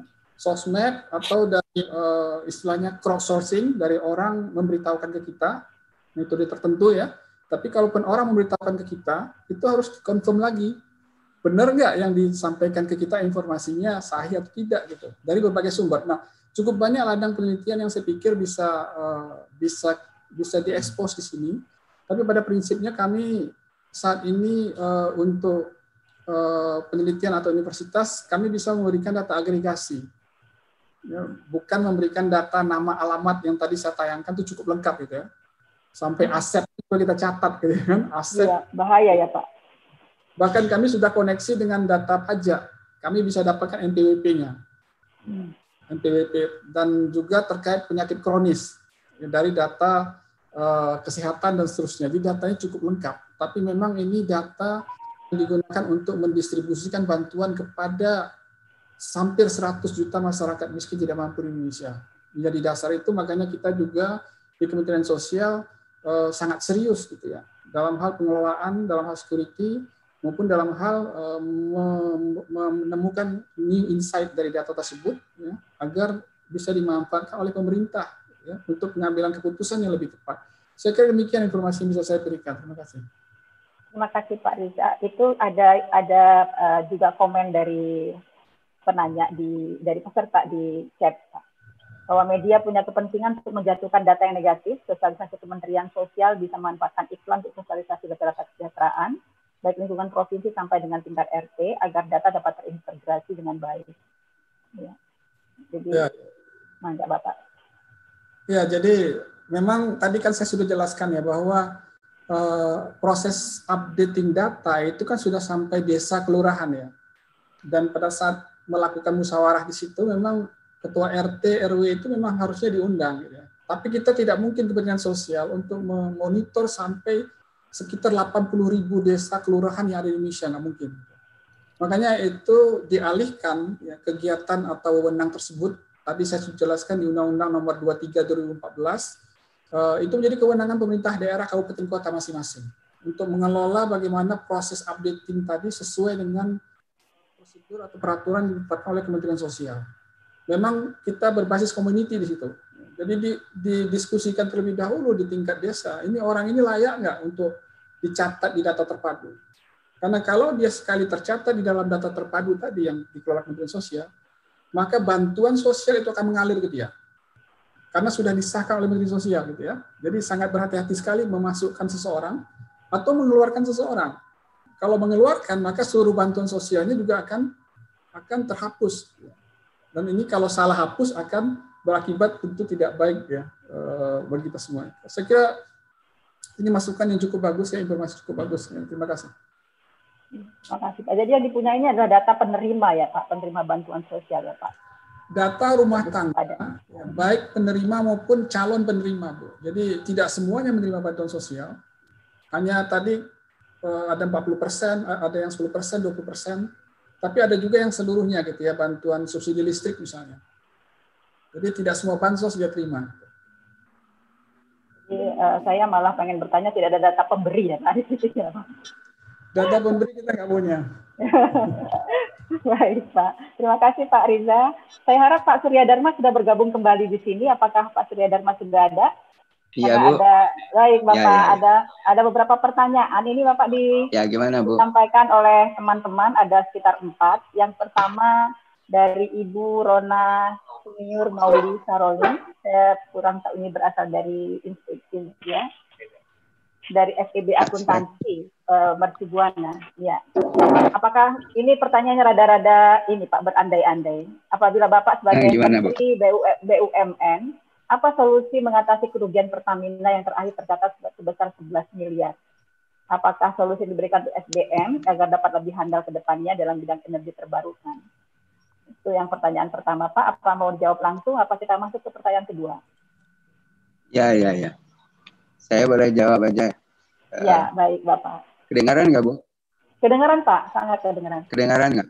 Ya, kedengaran, ya? Pak. Kedengaran. Saya kira ini sebuah tantangan yang luar biasa ya selama ini kan uh, kita sering memberikan subsidi yang sebetulnya tidak tepat sasaran. Ya, kita misalnya BBM di masa lalu yang kita lihat sampai 300 triliun, 400 triliun per tahun itu ya. Padahal kalau itu di dialihkan uh, subsidi itu kepada sektor-sektor yang lebih bermanfaat itu akan jauh lebih tepat. Karena subsidi yang 300 400 triliun sekarang juga masih ada itu kan dimanfaatkan oleh berbagai pihak ya bukan hanya orang-orang uh, miskin yang menggunakan itu tapi bahkan orang-orang luar negeri pun pakai semua orang-orang yang ngisi bahan bakar yang pakai listrik uh, yang uh, subsidi itu kan bukan hanya orang uh, dalam negeri orang luar negeri kan pakai juga kan karena menggunakan hal yang sama kecuali kita pilih misalnya ini BBM untuk uh, penduduk, ini BBM untuk non penduduk kan nggak pernah ada. Kita semua campur aduk. Jadi sampai kita diketahui orang, kita kok mensubsidi negara-negara kaya gitu. Jadi kita lebih kaya daripada orang-orang itu. Ya, ini yang saya kira hal yang sangat tidak tepat. Uh, tetapi ketika ini kita mau alihkan, ya selalu kan ada faktor politik kan ini uh, sering kali pemerintah kan nggak mau mengambil risiko itu karena ini ada permainan politik saya kira. Padahal permainan politik ini yang bisa menghala, yang bisa menyelesaikan itu adalah sebetulnya kampus. Karena kampus itu kan ada kebebasan bersuara, kebebasan berpendapat, ada kebebasan riset. Saya pernah jadi ketua dewan uh, riset untuk uh, teknik selama eh, enam uh, tahun ya. Jadi saya tahu persis bagaimana alokasi untuk riset kita itu kan hanya 0,001 persen gitu jangankan 0,1 persen, 0,001 gitu persen dari APBN kita. Bayangkan gitu ya, kalau itu dipakai saja untuk kepentingan riset mungkin jauh lebih bagus. Satu tahun kita alihkan, mungkin ada orang protes. Protes itu hanya satu tahun, setelah itu juga lupa. Ya kan? Coba kalau ini semua kita alihkan ke sini, kemudian orang bergerak, banyak yang sudah jadi, yang jadi dokter, jadi uh, eh, S2, jadi ya kan? Mereka-mereka yang tidak mampu akhirnya menjadi mampu, akhirnya juga lupa juga yang soal uh, kemarin itu kenapa harga BBM kita tinggi, kenapa ini tinggi dan sebagainya. Karena? Ada manfaat yang lain kita ambil. Nah ini yang sebetulnya kita lihat sekarang sering kali tidak proporsional. Sekarang dengan kondisi begini, coba bayangkan gitu ya. Pemerintah berutang kepada PLN karena utang subsidi. Akhirnya Kemarin media-media mengatakan kalau pemerintah tidak bayar kepada PLN pada bulan September ini, maka PLN akan bangkrut. Coba bayangkan perusahaan negara sebesar itu bisa bangkrut. Sama halnya Pertamina. Jadi Pertamina juga kalau ini tidak dilakukan secara proporsional sesuai dengan kaidah-kaidah itu juga bisa akan bangkrut gitu ya. Masa sekarang misalnya harga satu, eh, kebijakan satu harga itu ditanggung oleh Pertamina kan nggak ada dalam sejarah itu di mana pun di dunia bahwa eh, apa namanya harga yang ditetapkan oleh pemerintah untuk rakyat supaya rakyat bisa mampu, tetapi yang menanggung itu event BUMN, tapi dia kan badan hmm. usaha. Ada badan usaha itu ada mekanisme pertanggungjawaban. Kalau dia rugi kemudian macam-macam dia yang diomongin, tapi kalau dia uh, suruh berikan ini kan nggak ada apresiasi apa yang ada. Paling-paling hanya direksinya dipertahankan gitu ya kan. Tapi kan itu tidak proporsional gitu kalau kita lihat ya uh, secara keseluruhan. Nah, ini kira-kira secara umum ada lagi Bu? Ada Pak, ada lagi pertanyaan uh, dalam perspektif energi baru ini dari Bapak Nanang Hermawan, bukan dari UMB ya. Dalam perspektif energi baru yang bersih dan ramah lingkungan, bagaimana pandangan Bapak atau pandangan uh, institusi organisasi METI terhadap nuklir, Pak? Bagaimana pandangan Bapak terkait kesiapan Indonesia untuk go nuklir? Jadi begini, tadi kan saya sudah gambarkan tadi ya eranya itu perubahan fase era dari masa lalu kepada era masa depan. Sampai tahun 2025 memang di mana-mana di dunia itu eranya masih era energi eh, fosil sama nuklir, tetapi perlahan-lahan memang orang sudah beralih. Kita lihat saja bagaimana ketika uh, kasus apa tsunami di Fukushima di Jepang ya, uh, kemudian berdampak yang luar biasa pada sektor ketenaga listrikan. Itu kan juga salah satu di antaranya adalah nuklir. Gitu. Nah, saya tidak against dengan itu, tetapi proporsional saja karena di kita lihat yang pertama apakah cukup uh, punya uh, apa namanya uh, sumber daya nuklir yang ada di Indonesia. Uh, kita kalaupun nanti kita bangun nuklir itu kan hanya cukup untuk beberapa beberapa ribu megawatt. Setelah itu sumber dayanya harus kita impor lagi, kembali lagi ketergantungan kita kepada negara luar. Jadi kalau saya lihat lebih kepada soal ketahanan uh, energi saja supaya saya tidak dimasukkan nanti uh, dalam kelompok anti nuklir gitu, bukan anti nuklir. Jadi ada sudah di kebijakan energi nasional kan sudah disebutkan clear disebutkan bahwa nuklir adalah opsi terakhir. Kalau kalau opsi terakhir itu kan begitu kan perguruan tinggi kan. Kalau yang nomor satu nggak ada, nomor dua nggak ada, nomor tiga nggak ada, empat nggak ada, lima baru masuk. Karena dia opsi terakhir. Nah pertanyaannya sekarang, apakah yang nomor satu itu sudah dimanfaatkan optimum? Belum. Kalau belum ya mestinya itu dulu dong. Ya kan? Jadi begitu saya kira pandangan saya. Baik Pak, ini pertanyaan ketiga untuk Bapak, yaitu Menurut ya, Ibu ya. Dewi Gentana ini bahwa aspek teknis dan SDM dari energi terbarukan kelihatannya sudah dapat dioptimalkan. Tetapi yang belum ini adalah dari sisi harga. Uh, tentu saja harga jual, harga pembelian apakah uh, bagi investor itu merupakan uh, satu hal yang menjadi daya tarik. Nah, apakah METI sudah melakukan ya. pembicaraan dengan pihak pemerintah agar mendukung harga jual dan harga ya. pembelian? Untuk ya, kalau itu kira-kira Pak. Ya.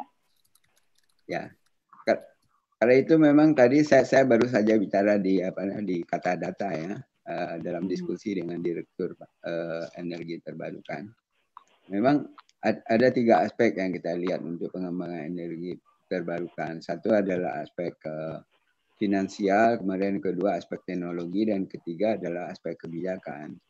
Uh, aspek uh, teknologi karena ini terkait dengan sumber daya yang baru yang memang perlu uh, sebuah upaya-upaya untuk bisa membuktikan bahwa sumber daya itu bisa dimanfaatkan secara optimum oleh SDM sumber daya manusia yang mumpuni, yang kompeten di bidang itu. Nah, oleh karena itu perlu SDM-SDM yang bisa mengurangi risiko-risiko uh, kegagalan dari sisi uh, cadangan, dari sisi teknologi dan sebagainya.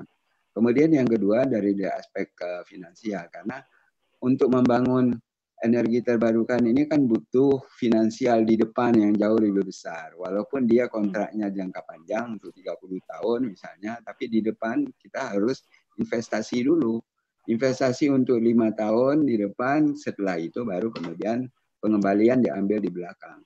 Nah, oleh karena itu untuk mendapatkan pengembalian ini tentu pasti akan membutuhkan kepastian oleh investor itu sejauh mana bahwa kita bisa memberikan jaminan bahwa investasi yang ditanam itu bisa memberikan return yang bagus. Nah, return yang bagus ini akan ditetapkan oleh pendapatan yang berasal dari pembelian harga listrik. Nah, inilah yang disebut Bu Dewi tadi. Apakah uh, harga listrik di kita itu bisa memberikan jaminan bahwa ini sesuai dengan keekonomian apa tidak? Kalau kita baca di Undang-Undang Energi, itu clear disebutkan bahwa harga energi ditetapkan oleh pemerintah berdasarkan keekonomian yang berkeadilan. Mestinya pemerintah harus menetapkan harga energi itu ber, ber, e, mencapai keekonomian sebagaimana misalnya harga migas.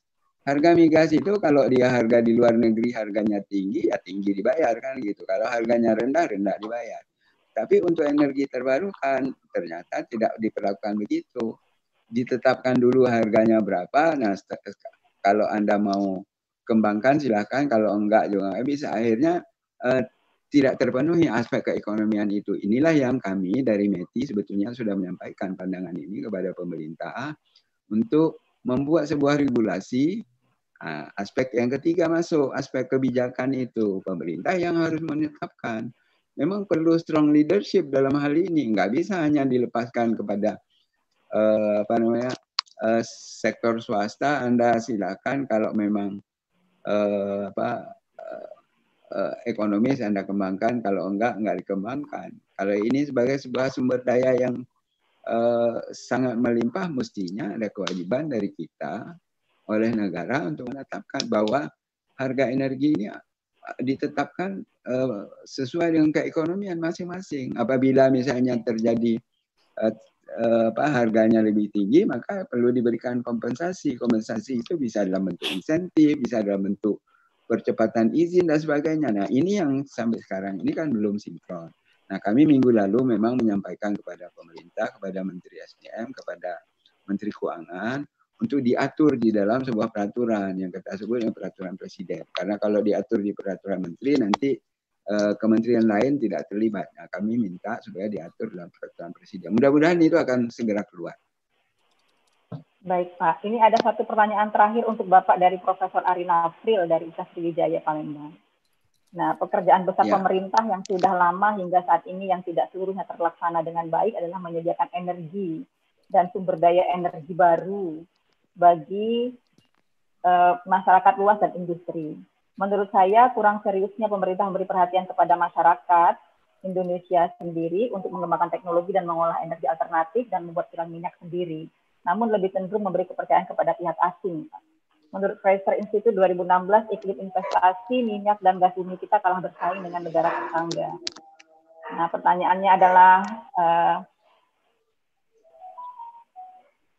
bagaimana langkah strategis langkah strategis apa yang harus diambil pemerintah untuk mengatasi masalah di atas yang akan membawa kebaikan bersama baik pemerintah, pihak swasta nasional, dan pihak investor asing juga masyarakat luas untuk menggerakkan perekonomian.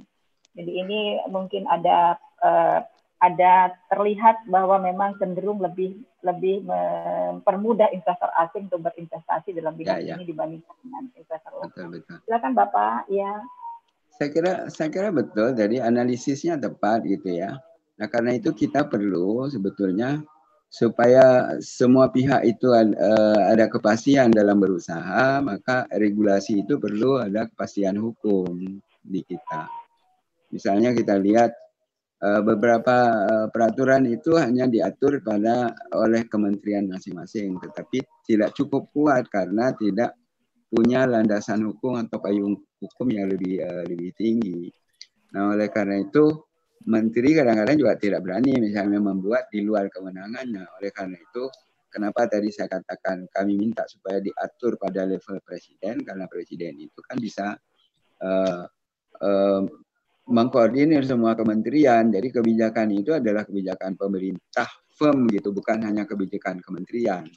Nah, kami bahkan dalam dua tahun terakhir ini sudah mengusulkan kepada pemerintah untuk menerbitkan undang-undang energi terbarukan supaya payung hukumnya lebih kuat. Jadi nanti semua pihak itu firm gitu ya.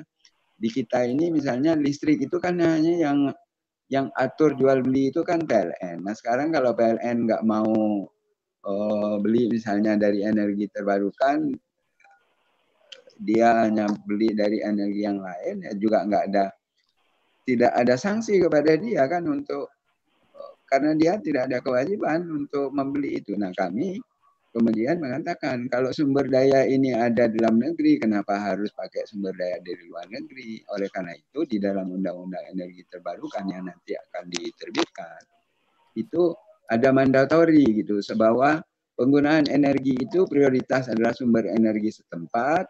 Nanti kalau dia tidak bisa menggunakan energi di sini yang dari setempat itu baru kita kemudian pakai energi dari luar. Nah, tetapi payung hukum itu perlu. Inilah yang kemudian diatur dalam undang-undang energi eh, undang-undang energi terbarukan. Mudah-mudahan tahun ini juga akan selesai undang-undang itu. Kami sedang uh, bekerja uh, sinergis gitu ya bersama-sama dengan DPR dengan pemerintah. Kebetulan METI juga diminta sebagai salah satu tim dan bahkan dalam penyusunan itu masuk sebagai tim inti untuk penyusunan uh, draft ini. Jadi mudah-mudahan kami tentu yang pertama mohon doa juga dari Bapak Ibu sekalian gitu ya. Karena ini energi ini adalah energi masa depan kita gitu. Sayang anak-anak cucu kita nanti jangan sampai kita yang di blame gitu dia tuduh bahwa energi kita nggak punya lagi karena dihabiskan oleh orang tua kita, dihabiskan oleh kakek nenek kita dulu sehingga kita tidak dapat apa-apa sekarang. Nah, dengan kita memanfaatkan energi terbarukan, ini energi yang selalu terbaru sehingga eh, mau kita pakai sekarang mau di masa akan datang juga nggak ada persoalan. Jadi makin cepat kita pakai makin bagus karena dia bisa terbarukan. Barangkali itu, Bu. Baik, Bapak, eh, menjelang kita tutup, eh, ada satu pertanyaan yang mungkin bagi semua teman-teman karena ini menyangkut kerjasama antar institusi. Adakah dari ketiga pembicara baik Pak Surya Dharma, Pak Yun maupun Pak Said untuk memberikan kepada kami bagaimana prosedur untuk menjalin kerjasama antara institusi kami di ya, perguruan ya. tinggi dengan saya dulu Bapak aja Bu ya. Baik Bapak. Saya dulu aja. Saya dulu saya, kita siap lah nggak ada nggak ada prosedur apa apa nanti kita buat aja di draft MOU nanti kita cover. Kami sudah punya pengalaman dengan beberapa universitas uh, karena perguruan tinggi menjadi apa tulang punggung ya uh, bagi pengembangan sumber daya manusia dan juga uh, riset saya kira. Oleh karena itu kehidupan ini teknologi tanpa riset uh, tanpa SDM tentu saja akan uh, mematikan masa depan. Oleh karena itu kami akan memberikan dukungan penuh dalam upaya kerjasama ini. Siap setiap saat. Ya, Bahkan kemarin sebetulnya kami sudah siap untuk tanda tangan gitu. Baik, Terima Bapak. kasih Bu. Saya mohon ya. pamit Bu ya.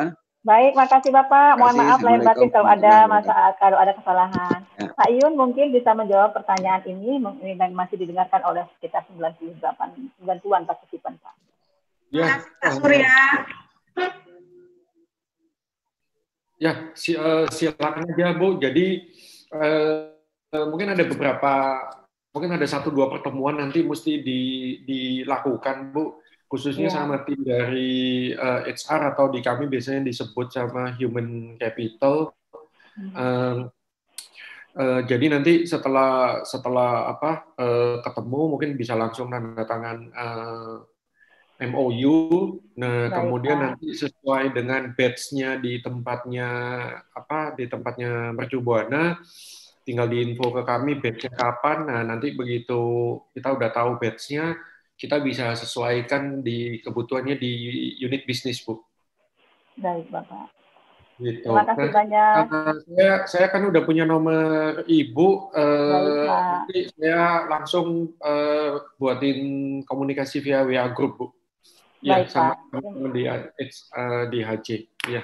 Baik, terima kasih, Pak. Ya, Mungkin sama Pak Said masih ada di sini? Pak Said Mirsa? Ya, hadir, hadir. Eh, ya, bagaimana Pak prosedur bagi kami-kami di perguruan tinggi ini untuk uh, bekerja sama dengan uh, Kapusdatin, dengan Pusdatin Pak, Kementerian Sosial? Uh, prosedurnya umum ya Bu ya dengan tadi ya. sama MOU.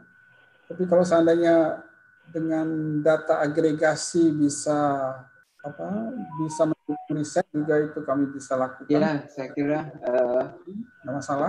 Dari kalau mau lebih rinci dengan uh, eh, MOU juga dimungkinkan ya. Jadi bisa kirim surat permintaan MOU, nanti kita akan coba tindak lanjuti. Sekarang demikian.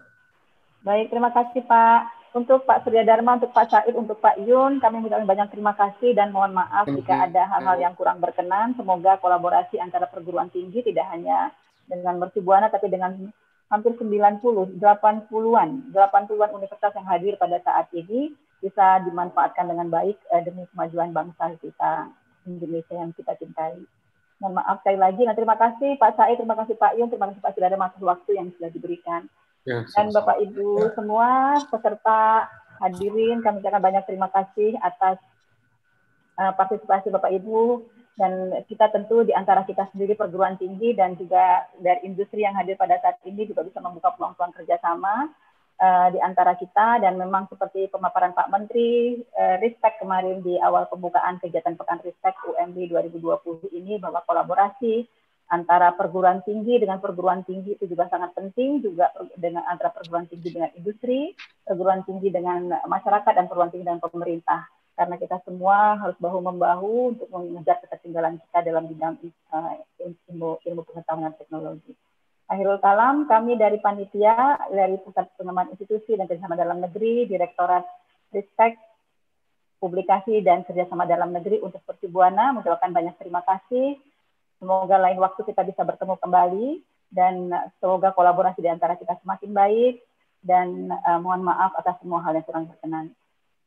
Wassalamualaikum warahmatullahi wabarakatuh. Saya kembalikan kepada uh, eh, MC. Waalaikumsalam warahmatullahi wabarakatuh. Waalaikumsalam warahmatullahi wabarakatuh. Saya izin live. Baik, kepada Bapak Ibu peserta, kami informasikan untuk materi akan di-share di WA Group. Kemudian untuk e-sertifikat peserta, didapatkan setelah mengisi daftar hadir online akan otomatis terkirim ke email yang sudah ada di daftar hadir. Dan kami informasikan bagi Bapak Ibu peserta yang ingin menjalin kerjasama dengan Universitas Mercu Buana dapat menghubungi unit Pusat Pengembangan Institusi di link yang sudah dibagikan. Demikianlah rangkaian acara pada hari ini. Terima kasih atas perhatian dan kehadiran Bapak Ibu. Wabillahi taufiq wal hidayah. Wassalamualaikum warahmatullahi wabarakatuh.